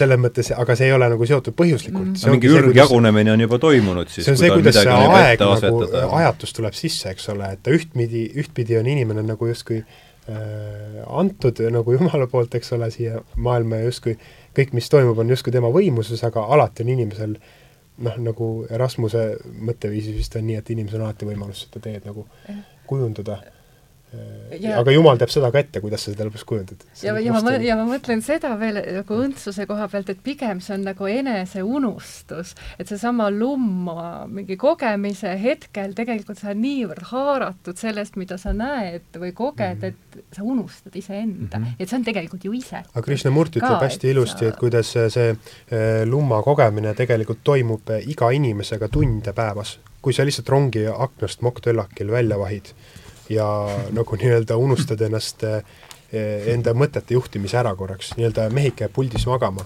ja, ja sa saad seda vastu võtta. ja sealt tulevadki need, eh, see, kus teadvus sinuga hakkab kõnelema, et sul tuleb meelde mingit eh, põõsast nähes lihtsalt rongi aknast, kuidas sa olid vanaema juures väikse lapsena, on ju, ja ja tulevad mingid soojad mälestused ja kõik see plaat hakkab nii-öelda ketrama, mis on nii-öelda tegelik sinu, sinu mõtete allikas, eks ole ja vahepeal, kui sa seda ei taipa selle üle ise mõelda aktiivselt, siis see, see voolabki sinust üle, et noh, nii-öelda see kohalolu on pidev. jah, selle kohta ütles Peterson kunagi, et, et suurem osa ajast me näeme ikkagi oma mälu mm. -hmm aa, vot see on huvitav, see, see haakub mul selle mõttega just, mida ma enne korraks mainisin, et et me peame seda mateeriat nagu tegelikumaks ja mentaalset justkui mingisuguseks noh, osa teoreetikuid väidab siis, et see on nagu mingisugune jääknäht üldse, mis on evolutsiooni käigus siis mateeriale lisandunud, see mhm. teadvus mm. -hmm. see on mingi arvutisumin peas, millel ei ole nagu mingi, mingit tähendust. on üks kuniks sa leiad selle molekuli, mis seda suminat põhjustab ja aga mhm. sellel on noh, sellega noh, see on ka see kujutlus sellest, et hing elab äh, kehas, aga mitte vastupidi, võiks mõelda, et keha on hinges mm. -hmm. mis on aristotellik käsitlus. jah, ja mis seostubki tegelikult võib-olla nagu mäluga selles mõttes, et kogu, et hinge võib ju käsitleda mm -hmm. nagu kogu elu kogemusena, kõik, kui sa vaatad inimest, siis ta ei ole lihtsalt ju nagu luust ja lihast keha ainult, vaid et ta on tegelikult kõik need aastad ja päevad, mis ta on elanud, ehkki ta seda muidugi ei teadvusta. ja kus mõttes... on elanud, kui me võtame transpersonaalse aspekti, siis kus on elanud tema esivanemad. nojah, just, nimelt, et see läheb võib-olla kusagile lõpmatusse välja siis jah, ja kui on eesmärk põhjus, siis on ka juba, tuleb tulevik sinna sisse, eks. just, et seda ei tohi unustada, just seda eesmärk põhjust ka ma olen lihtsalt joovastuses Šestovist ja kui te räägite, siis, siis see, see Šestov oli Milošile ju, Miloš ju tsiteerib teda pidevalt, et Nad on kõik üks, üks ja. punt jah, üks, ühed fideistid nad on, et et äh, aga siin see hinge teema, hingejäävuse teema, vaadake, siin ta hästi ilusti toob välja, et äh, teadus ei konstateeri, vaid ta mõistab kohut läbi siis teooriate, et ta võtab nii-öelda info sisse, aga nende piiratud faktide põhjal ta ütleb, et on teooria, mis kehtib igal ajal, igal pool mm. -hmm. nii, ja mis on iseenesest suur oletus. jah teisisõnu, teadus on mõistuse kohtu alla antud elu. Äh, mõistus otsustab, mis võib ja mis ei või olla ning ta otsustab ise äh, enda äh, seaduste alusel, arvestamata üldse sellega, mida ta nimetab inimlikuks või liiginimlikuks. mõistus otsustab, et mateeria ja energia on jäävad, Sokrates ja Giordano Bruno aga kaduvad ning kõik kuuletuvad vastuvaidlematult, keegi ei julgegi tõstatada küsimust, miks kehtestas mõistus niisuguse seaduse, miks asus ta nii isalikult hoolitsema äh,, hoolitsusega kaitsma mateeriat ja energiat ning unustas Sokratese ja Bruno mm. -hmm. ehk siis äh, nii-öelda äh, jah, et et need te tegelased on nagu ajaloolised faktid, aga kas nad on ka hingena nii-öelda äh, kuhugi jäänud, on ju, et et Šestov on nagu täielik äh, selles mõttes pseudotüüp selles mõttes ju, et äh, ta, ta küsib neid väga valusaid küsimusi. tema on ikka selgelt pseudoteadlane siin. täielik jah, no nagu fideist on nii-öelda väljapoolt kasutatud sõimusõna pigem inimeste suhtes, kes siis üritavad nagu seda noh, kuidas öelda nüüd hästi fideismi nagu defineerida, et jah, Miloš on fideist, Tertullianus on fideist, Kierkegaard, Kierkegaard Pascal, kes, kes, kas Swedenborg kes räägivad, et usk on nagu mingis mõttes hüpe või et selles mõttes mm, -hmm. et jaa, leap of äh, mingi fate nii-öelda või ja et nad ei, et usk ja mõistus selles mõttes, et neid vahe, nende vahel on ka ikkagi nagu no, Nad pigem müüvad maha mõistuse, kui et loobuvad usust mm, -hmm. võiks vist nii öelda. jah, Pascal on hea näide, et ja Hart püüab need kokku viia, jah mm. -hmm. no mulle meeldis see, ma tulen tagasi selle James Hillmani juurde jälle, et see meelepõhi on poeetiline, nüüd äh, ülehomme ilmuvas lehes on mul, on intervjuu Kauksi Üllega ja ma esitasin talle ka seal lõpus selle küsimuse, see on nüüd lehte, aga mulle meeldis ta esimene reaktsioon sellele, sellele, et aa, et isegi mõistus rajaneb emotsioonidel. et ta võttis nagu, ütleme, niisugune vahet, esmane reaktsioon sellele väitele, et meelepõhi on poeetiline, oli see, et et isegi mõistus rajaneb emotsioonidel, ehk et siis kogu see, kogu see masinavärk, mida meile esitatakse praegu päevauudistes äh, lõpliku tõena, lõpliku reaalsusena, on mingi konstrukt, mis rajaneb lihtsalt teatud mingistel mütoloogial ehk äh, Descartesi unenäol põhimõtteliselt, mm. et noh, see on kuidagi, mulle tundus. jah, Pascal ütles ju, kui sa tõid ta sisse, et nii-öelda see äh, Šestov räägib Pascalist kui sellest, kes ütles, et kunagi ei tohi magama jääda, et me mm. nagu olemegi justkui unenäos, aga, aga trikk on selles, kuidas ärkvel olla kogu aeg ja mm. seda ütles Pascal või? jaa, Pascalist on see nagu inspireeritud niisugune mõttekäik just jah, et see pidev ärkvelolu, jah vot, ma nüüd praegu ei mäleta, kas oli Hart, aga igal juhul see mõte, et jah, et mingis mõttes need meie enda subjektiivsed kogemused on meile ikkagi kõige kallimad ja arvatavasti mingisugused muutused ka selles mõttestruktuuris saavad tekkida alles siis, kui me oleme ikkagi saanud mingi kogemuse. absoluutselt, jah. et ähm, ja see on kogu Sheldrake'i nende vaimsete praktikate mõte, et kõigepealt tuleb kogemus mm, -hmm ja siis saab, pärast seda saab tekkida see vaatenurga muutus, mis on mm -hmm. siis ütleb, et elu on võimalik tajuda teistmoodi, kui positiivismi esiisa August Comte meile mm -hmm. soovitas ja mida tema ürituse jätkajad siiani teevad. jah ja Arto Jõeskas ütleb, et aga et siis ongi küsimus selles, et kas, kas siis nendel puudub eksistentsi kogemus ja ta arvab, asi ei ole siiski nii traagiline mm, -hmm. et see mhm. kultuuriline noh, häälestus on ikkagi ka võimas, et, et kui nagu juhtida siis inimene tagasi selle väga algse kogemuse juurde ja kogemuse märkamise juurde, et siis see on ikkagi universaalne. tema, tema tähendab niimoodi mm -hmm. seda. noh, aga siin meil on see, vaata lehe pealt viskasime siin enne saadet välja, on ju, et et äh, James selgitab paljudes seostes. William James siis? jah, kui teil juba on Jumal, kellesse uskuda, siis argumendid kinnitavad teie usku mm, -hmm. mis te ise välja otsite mm. -hmm. kui olete aga ateist, siis teid nad ei veena. see on seesama, mis ütles Kauksi Ülle siis, et, et isegi mõistus rajaneb emotsioonidel, eks see on juba mingi mm -hmm. intuitiivne mingi intuitiivne vundament on juba paigas, mille peale mhm. siis äh, protseduuriline mõistus hakkab oma, oma, oma koda ehitama. ja selge, et seda kogemust ma ka ikkagi valin selle tõlgenduse, eks ole mm. -hmm. ja pead piisavalt nüri järjekindlusega iga hetk uuesti valima, et äh, nii-öelda äh, ja see valik toimub nagu järjepidevalt. see ei ole nagu kronoloogiliselt ühes hetkes toimunud valik, vaata.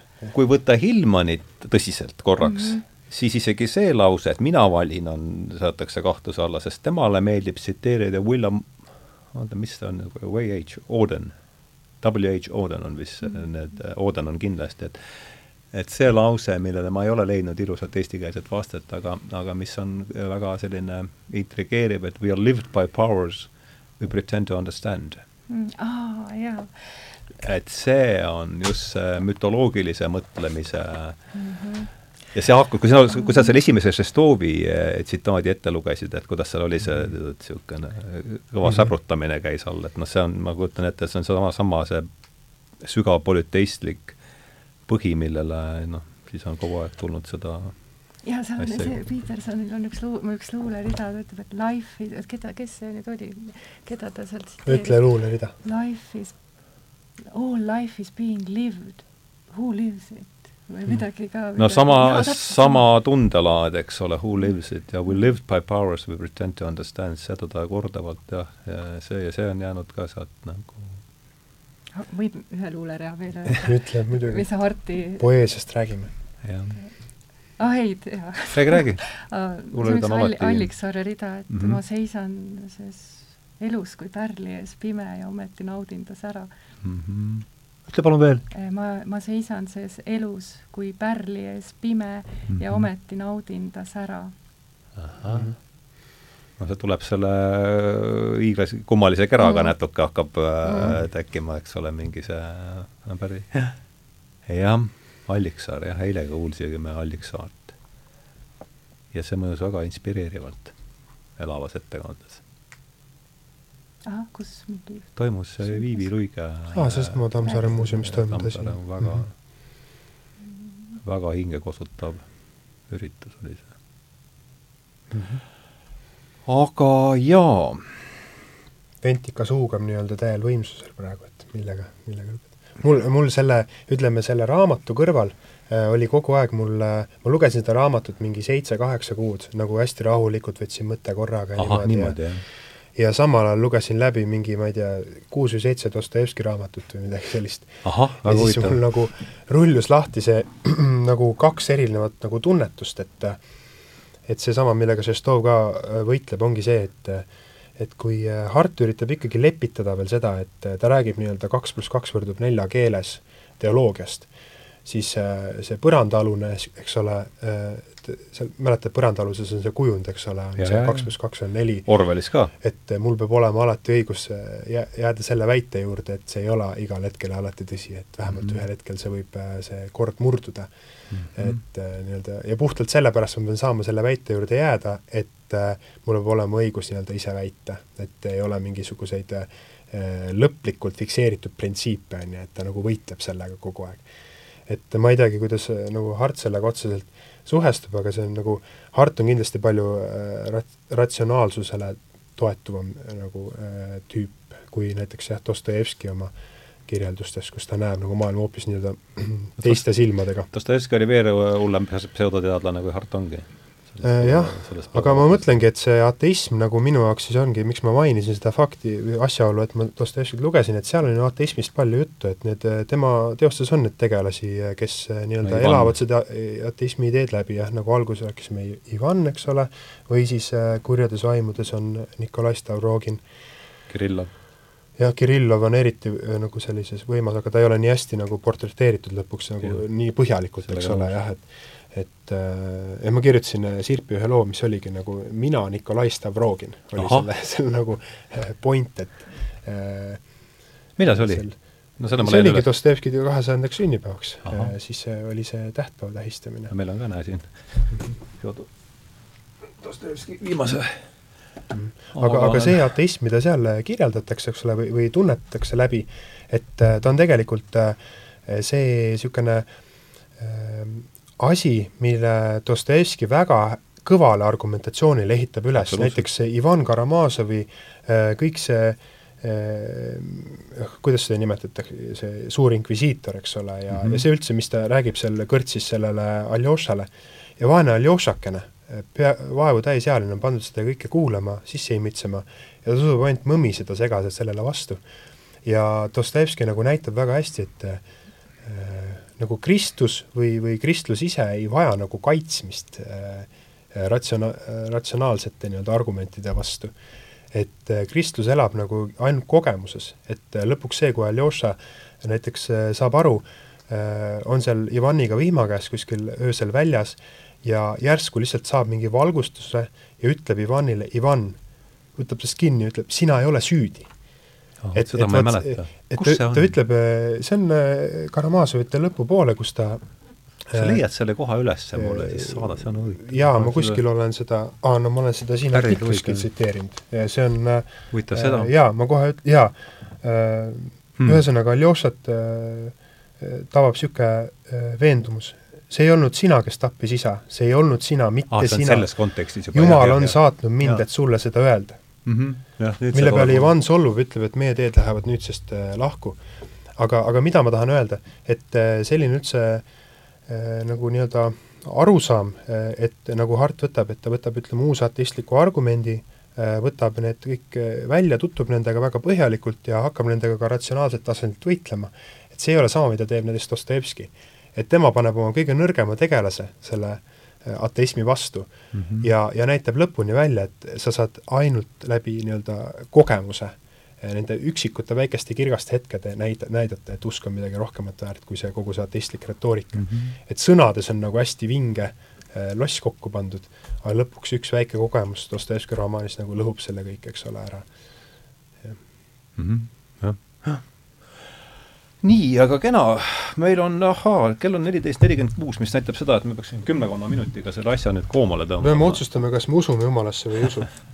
jah um, enne kui sa saate mulle, selle, mulle meeldib see, selle koha peale mulle meeldib hästi tsiteerida Leszek Kolakovskit, meie teist suurt poolakat, ka tema vastas äh,, see, see on üks, minu meelest üks parimaid vastuseid sellele küsimusele, küsiti intervjuus, et Mr Kolakovski, do you believe in God, tema vastus oli, et only God would know mm. -hmm. et ainult Jumal teab, kas ma temasse usun või mitte, et see on äh, mulle mulle see ja kas see ei olnud ka Kolakovskis ütles, et ainuke täiesti ebaloogiline asi on see, kui sa saatanat ei usu, et jah, see oli, see on selles sambas naeruväärne, et ta, ta suudab, ta suudab aru, jah, ta suudab saada aru inimestest, kes ei usu Jumalat, aga kes ei usu saatanat, et sealt mm, äh, ja noh, jällegi, et need on ju mingid äh, printsiibid. Mm.. aga sa tahtsid äh, mingi kokkuvõtteni meid jaa, ma tahtsin jõuda kokkuvõttes sellega, et et äh, tuleme siis saate algusesse tagasi, et Äh, et kaks tuhat kaheksateist äh, ma avastasin David Bentley Harti ja see käis siis läbi selle, ta tuli läbi Sheldrake'i ja noh, Sheldrake'ile tõmbas mind, Sheldrake'i sellesse tunnelisse tõmbas mind see juhtum äh, siis pärast seda, kui ta oli aval-, avaldanud oma raamatu Uus eluteadus tuhat üheksasada kaheksakümmend üks või kaheksakümmend kaks, ma ei suuda seda ikka, no kaheksakümne aasta alguses, ja mille peale siis tolleaegse ajakirja Nature tolleaegne peatoimetaja ütles, et Sheldricki raamat, et raamatute põletamine ei ole küll halb komme, aga või tähendab, raamatute põletamine on küll äh, laidu, ei ole kiiduväärne komme, aga kui see oleks lubatud, et siis vääriks see raamat tuleriita, et noh, vau! see oli üks vau-hetk, mis on olnud siin viimase, mis ta siis tuleb, viimase nelja-viie aasta jooksul. ja teine vau-efekt oli tegelikult äh, sellel sügisel, kui me tegelesime siin reformatsiooniga pisut põhjalikumalt ja ja ma vaatasin, Andrew Himes on üks USA autor, see on, temale sattusin ka läbi Sheldrake'i, ta on kirjutanud raamatu, ta on pärit sealt lõunabaptistide sugupuust äh,, kristliku fundamentalismi, ja siis on öelnud sellest lahti. ja tema siis ütles seda, et ähm, tuhat üheksasada üheksateist tuli see esimest korda siis äh, no nüüd jutt käis sellest lõuna kristliku funda-, fundamental-, fundamentalismist ja ja pärast Esimest maailmasõja sõda siis äh, formuleeriti need äh, viis funda-, kristliku fundamentalismi viis põhilist dogma, ma ei mäleta täpselt, mis seal oli, see oli see neitsi sünd ja, ja, ja, ja noh, aga mida seal sees ei olnud, oli, oli kolmainsus. ja, ja et siis, see oli siis äh, mis olid eelnevad kaheksateist sajandit või üheksateist sajandit, no ütleme siis viisteist sajandit olnud, olnud krist-, Kristuse keskne dogma ja see, et mulle tundus, et see et see oli võib-olla teine küll niisugune väiksem ahaa-efekt, et see tundub, et annab mulle tunnistust nagu fundamentalismist. et see, me oleme jäänud siin sellise kahe ala, alasi vahele, ühelt poolt teaduslik fundamentalism, seesama positiivistlik fundamentalism, mis ütleb mm, -hmm. et ainult olemas on see, mis äh,, mida saab mõõta ja, ja teine siis äh, et kõik on täpselt nii sõnasõnaliselt, nii nagu piiblis kirjas on mm, -hmm. et mulle tundub, et, et see, see sõna fundamentalism esimest korda hakkas tulla, tuli üldse siia meie käibesse ikkagi nende äh, islamiterroristidega, kes nad siin ja seal tegid äh, pahandust, need on, et see on, see on see, see on vast see sõna, see on vast esimene koht, kus see sõna tuli üldse niimoodi laiemalt ringlusesse, nüüd ma panen seda järjest rohkem tähele, et äh, et heart ja fundamentalism ja, ja, ja, ja võib-olla võtaks selle sõna nüüd siia lõppu, teeme siit ühe tiiru peale, vaatame, palju meil siis veel aega jääb. ja mis, mis, mis, kuidas te sellega, kuidas te sellesse no mulle meenub, kui nüüd mul praegu päris õigesti meenub see, et ta ütlebki, et selline fundamenta-, fundamentalism tuleneb tegelikult nagu noh, juurteta kristlusest, et ähm, et puudus see elav religioosne ühiskond tegelikult mm, -hmm. et elati sekulaarses ühiskonnas ja siis mm -hmm. selles mõttes on see reformatsiooniga seotud, ma mõtlen nii, et, et sa võtad selle raamatu siis kätte ja hakkad ise lugema mm -hmm. pühakirja mm. -hmm. et varasematel ja, aegadel päris nii ei käinud, jah et ega see oli väga oluline eristus, et äh, see lugemisoskuse puudumine tingis ju selle jah, et oli ainult tõlgendus. alati oli see vist mm -hmm. ikkagi tõlgenduse sees, pühakiri. ja pluss liturgias ja kogu selles, eks ole, ja, ja siin on minu arust oluline, et Hart tuleb idakirikus, kus see on ju palju, võrreldes Luteri mm, -hmm. Luteri kirikuga on ju see pool ikkagi jällegi noh, nii vähe kui mina tean, aga ma arvan, et nii palju ma tean ikka, et et seal on see mhm. liturgiline ja, ja niisugune müstiline alge palju tugevamini, no kogemuslik alge siis, eks mm -hmm. ole, mhm. palju tugevamini esineb mm. -hmm. Joonas, sa jäid?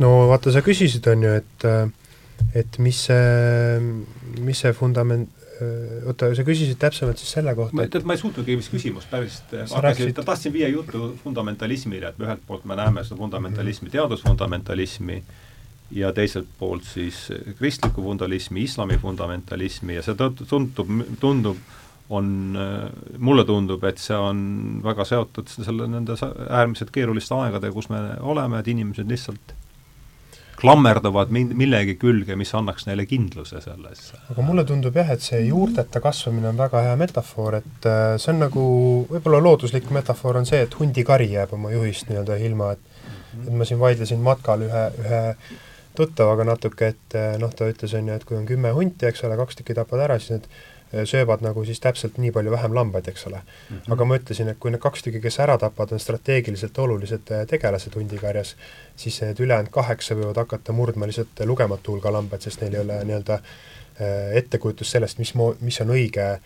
viis üldse nii-öelda toidu hankimisele läheneda. et nad hakkavad tegema täiesti ebaratsionaalseid tegusid, sest neil ei ole seda ja, ja võib-olla ongi see, et kui meil niisugune äh, sügav nagu see, see kogu see, kogu selle ajaloolise kujunemisloo, kuidas meie individuaalsus üldse on välja kujunenud, nagu minetame ja seda kuidagi eirame, siis me hakkamegi toimima nagu need kaheksa hunti, kes on ilma juhita, on ju, ja ja praegu selle lamba metafoorina ma näen seda, et me murrame nagu loodust maha või noh, nagu mhm. teeme ja, sellega ja. hävitustööd, eks ole.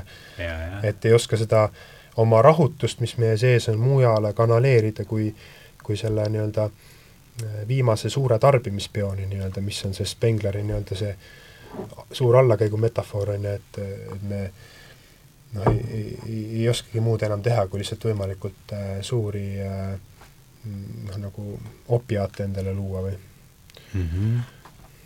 noh, nagu ületarbimise näol.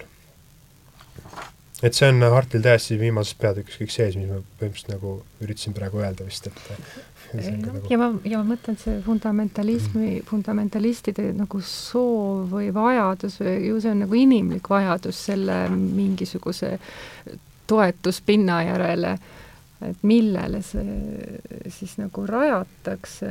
see on huvitav, kuidas ta ütleb lõpuks, et ateism on ka nagu, eh, ma loen ikkagi ette, et korra veel väike tsitaat on ju, et, et selles mõttes tuleks äh, ateismi klassifitseerida ühena nendest lohutavatest religioonidest, mille eesmärk ei ole mitte panna meel ja tahe tegelema olemise müsteeriumiga, vaid lihtsalt pakkuda palliatiivi eksistentsiaalsete raskuste ja isiklike pettumuste vastu. eks ta pöör-, jah. ja populaarne ateism ei ole mitte filosoofia, vaid teraapia. ja ehk ei peaks seda siis filosoofiliste puudujääkide pärast hukka mõistma ega üldse mingisuguse Eh, intellektuaalse hoiakuna käsitlema mm, -hmm. vaid nägema selles lihtsalt ühte harduse vormi, mis on seda kütkestavam, et põimib endas õrna saamatust ja võluvat suurelisust. ehk siis õrnalt saamatu ja võluvalt suureline on tänane maailm. Ta pöörab, pöörab muidugi tagurpidi täpselt selle, mida mõned teised autorid, eks ole ütleks usu kohta. ja, ja mhm. seda ütleb ilusti selles teaduses ja vaimses praktikas äh, tsiteerib Sheldrake John Gray'd, kes ütleb, et ateism on lihtsalt üks krist-, lihtsalt kristlik hereesia ja ega siin ei olegi muud, et ateismil on mm, -hmm. ateismil on tähendus ainult ainujumala kontekstis, et, et jah, sest sellele tõenäoliselt vastandub. just jah, et kui vanas Kreekas, see on Gray jälle ütles kusagil väga ilusti selgelt, et vanas Kreekas öeldi, et kui ma ütlesin, kui ma ütlen vanas Kreekas, et ma ei usu jumalasse, siis küsid järgmine küsimus, et hästi, et aga millisesse jumalasse sa ei usu? ja, jah. Hart ütleb selle kohta monopolüteism. et Monopol. polu-, monopolüteism, ta paneb kokku selle sellepärast, et mm -hmm.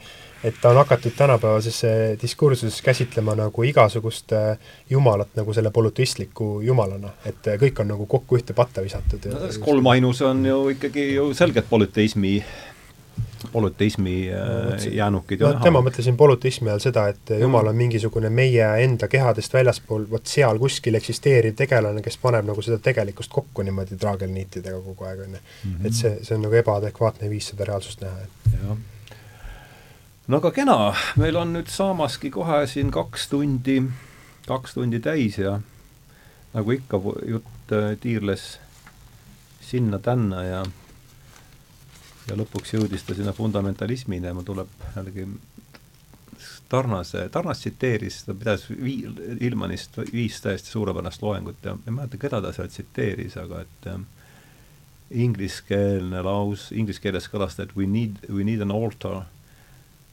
to the lady of perpetual uncertainty.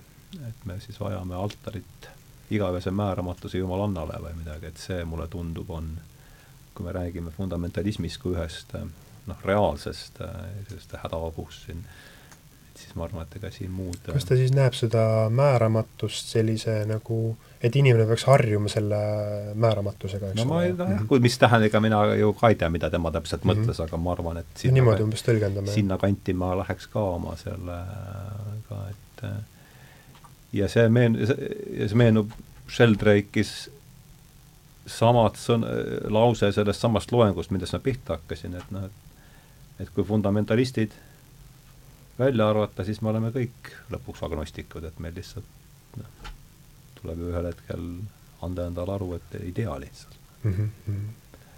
ja ilmselt usaldada seda, mis siis, mis juhtub, aga ma hakkasin nüüd targutama siin, et seda annaks pigem teile. kuidas siis, võtke siis täna kuuldu võtke palun täna kuuldu siin veel paari lausega kokku ja siis tõmbamegi joone alla, et äh. no ma siis ütleksin niimoodi, et Tartu pakub äh, ka mingit omamoodi sellist äh, toetuspinda, ütleme maailmas, kus tundub, et nende ideede ja vaadete paljususes kipub noh, inimene pea kaotama, ütleme nii, et siis ta, ta pakub siiski jah, midagi, mis selle kokku seob, et nähtavasti on vajadus sellise suurema pildi järele üpris suur mm. -hmm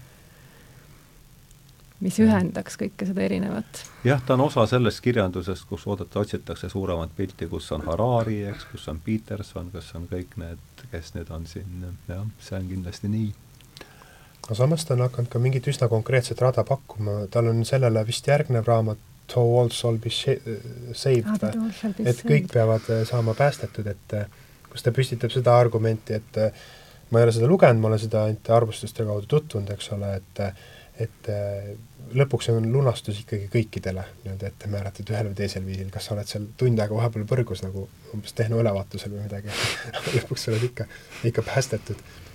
Ta, ta ütleb, et see on loogiliselt äh, möödapääsmatu sellise mm -hmm. jumala käsitluse puhul, mida ta esitab. jah, mida ta esitab jah, et äh, selles mõttes, kui me rääkisime sellest toetuspinna andmisest, siis Hart nagu ikkagi äh, lõpuks läheb ka kirikuisaliku teed ja annab ka sellise lootuskiire sinna lõppu, et ta ei jää ainult intellektuaalseks hekseldajaks mm, -hmm. kes siis jaa, aga siis noh, me oleme siin nüüd kaks, kaks tundi intellektuaalselt ekseldanud ja ja, ja, ja oli vahva, oli, tõesti oli vahva üle tüki aja jälle niimoodi ajada, juttu ajada, et kahenädalane paus oli siis ees ja nüüd on see ja tunni aja pärast salvestame veel ühe saate. aga ma tänan teid tulemast äh, saatesse, Kristiina Kivile, Joonas Nahkar. et ähm, rääkisime siis täna või tähendab, see vabandus kokkutulekuks või põhjus kokkutulekuks oli, oli siis David Bentley Harti raamat Jumala kogemus, mis ilmus inglise keeles siis kahe tuhande kolmeteistkümnendal aastal ja nüüd tänu Kristiinale sellest aastast siis ka eesti keeles ja ja nagu ikka, jutt käis siia-sinna ja ja nüüd on ta siis jõudnud finišisse turvaliselt mm. -hmm. ja, ja tänan teid veel kord, Kristiina ja Joonas ja, ja ja tänan kõiki Rikot puldis, äh, kõiki, kes on siin aidanud saatele ühele või teisele viisil kaasa ja kõiki tegelikult, eelkõige kõiki teid, kes te meid kuulate ja, ja soovin siis äh, ilusat jõuluaja jätku ja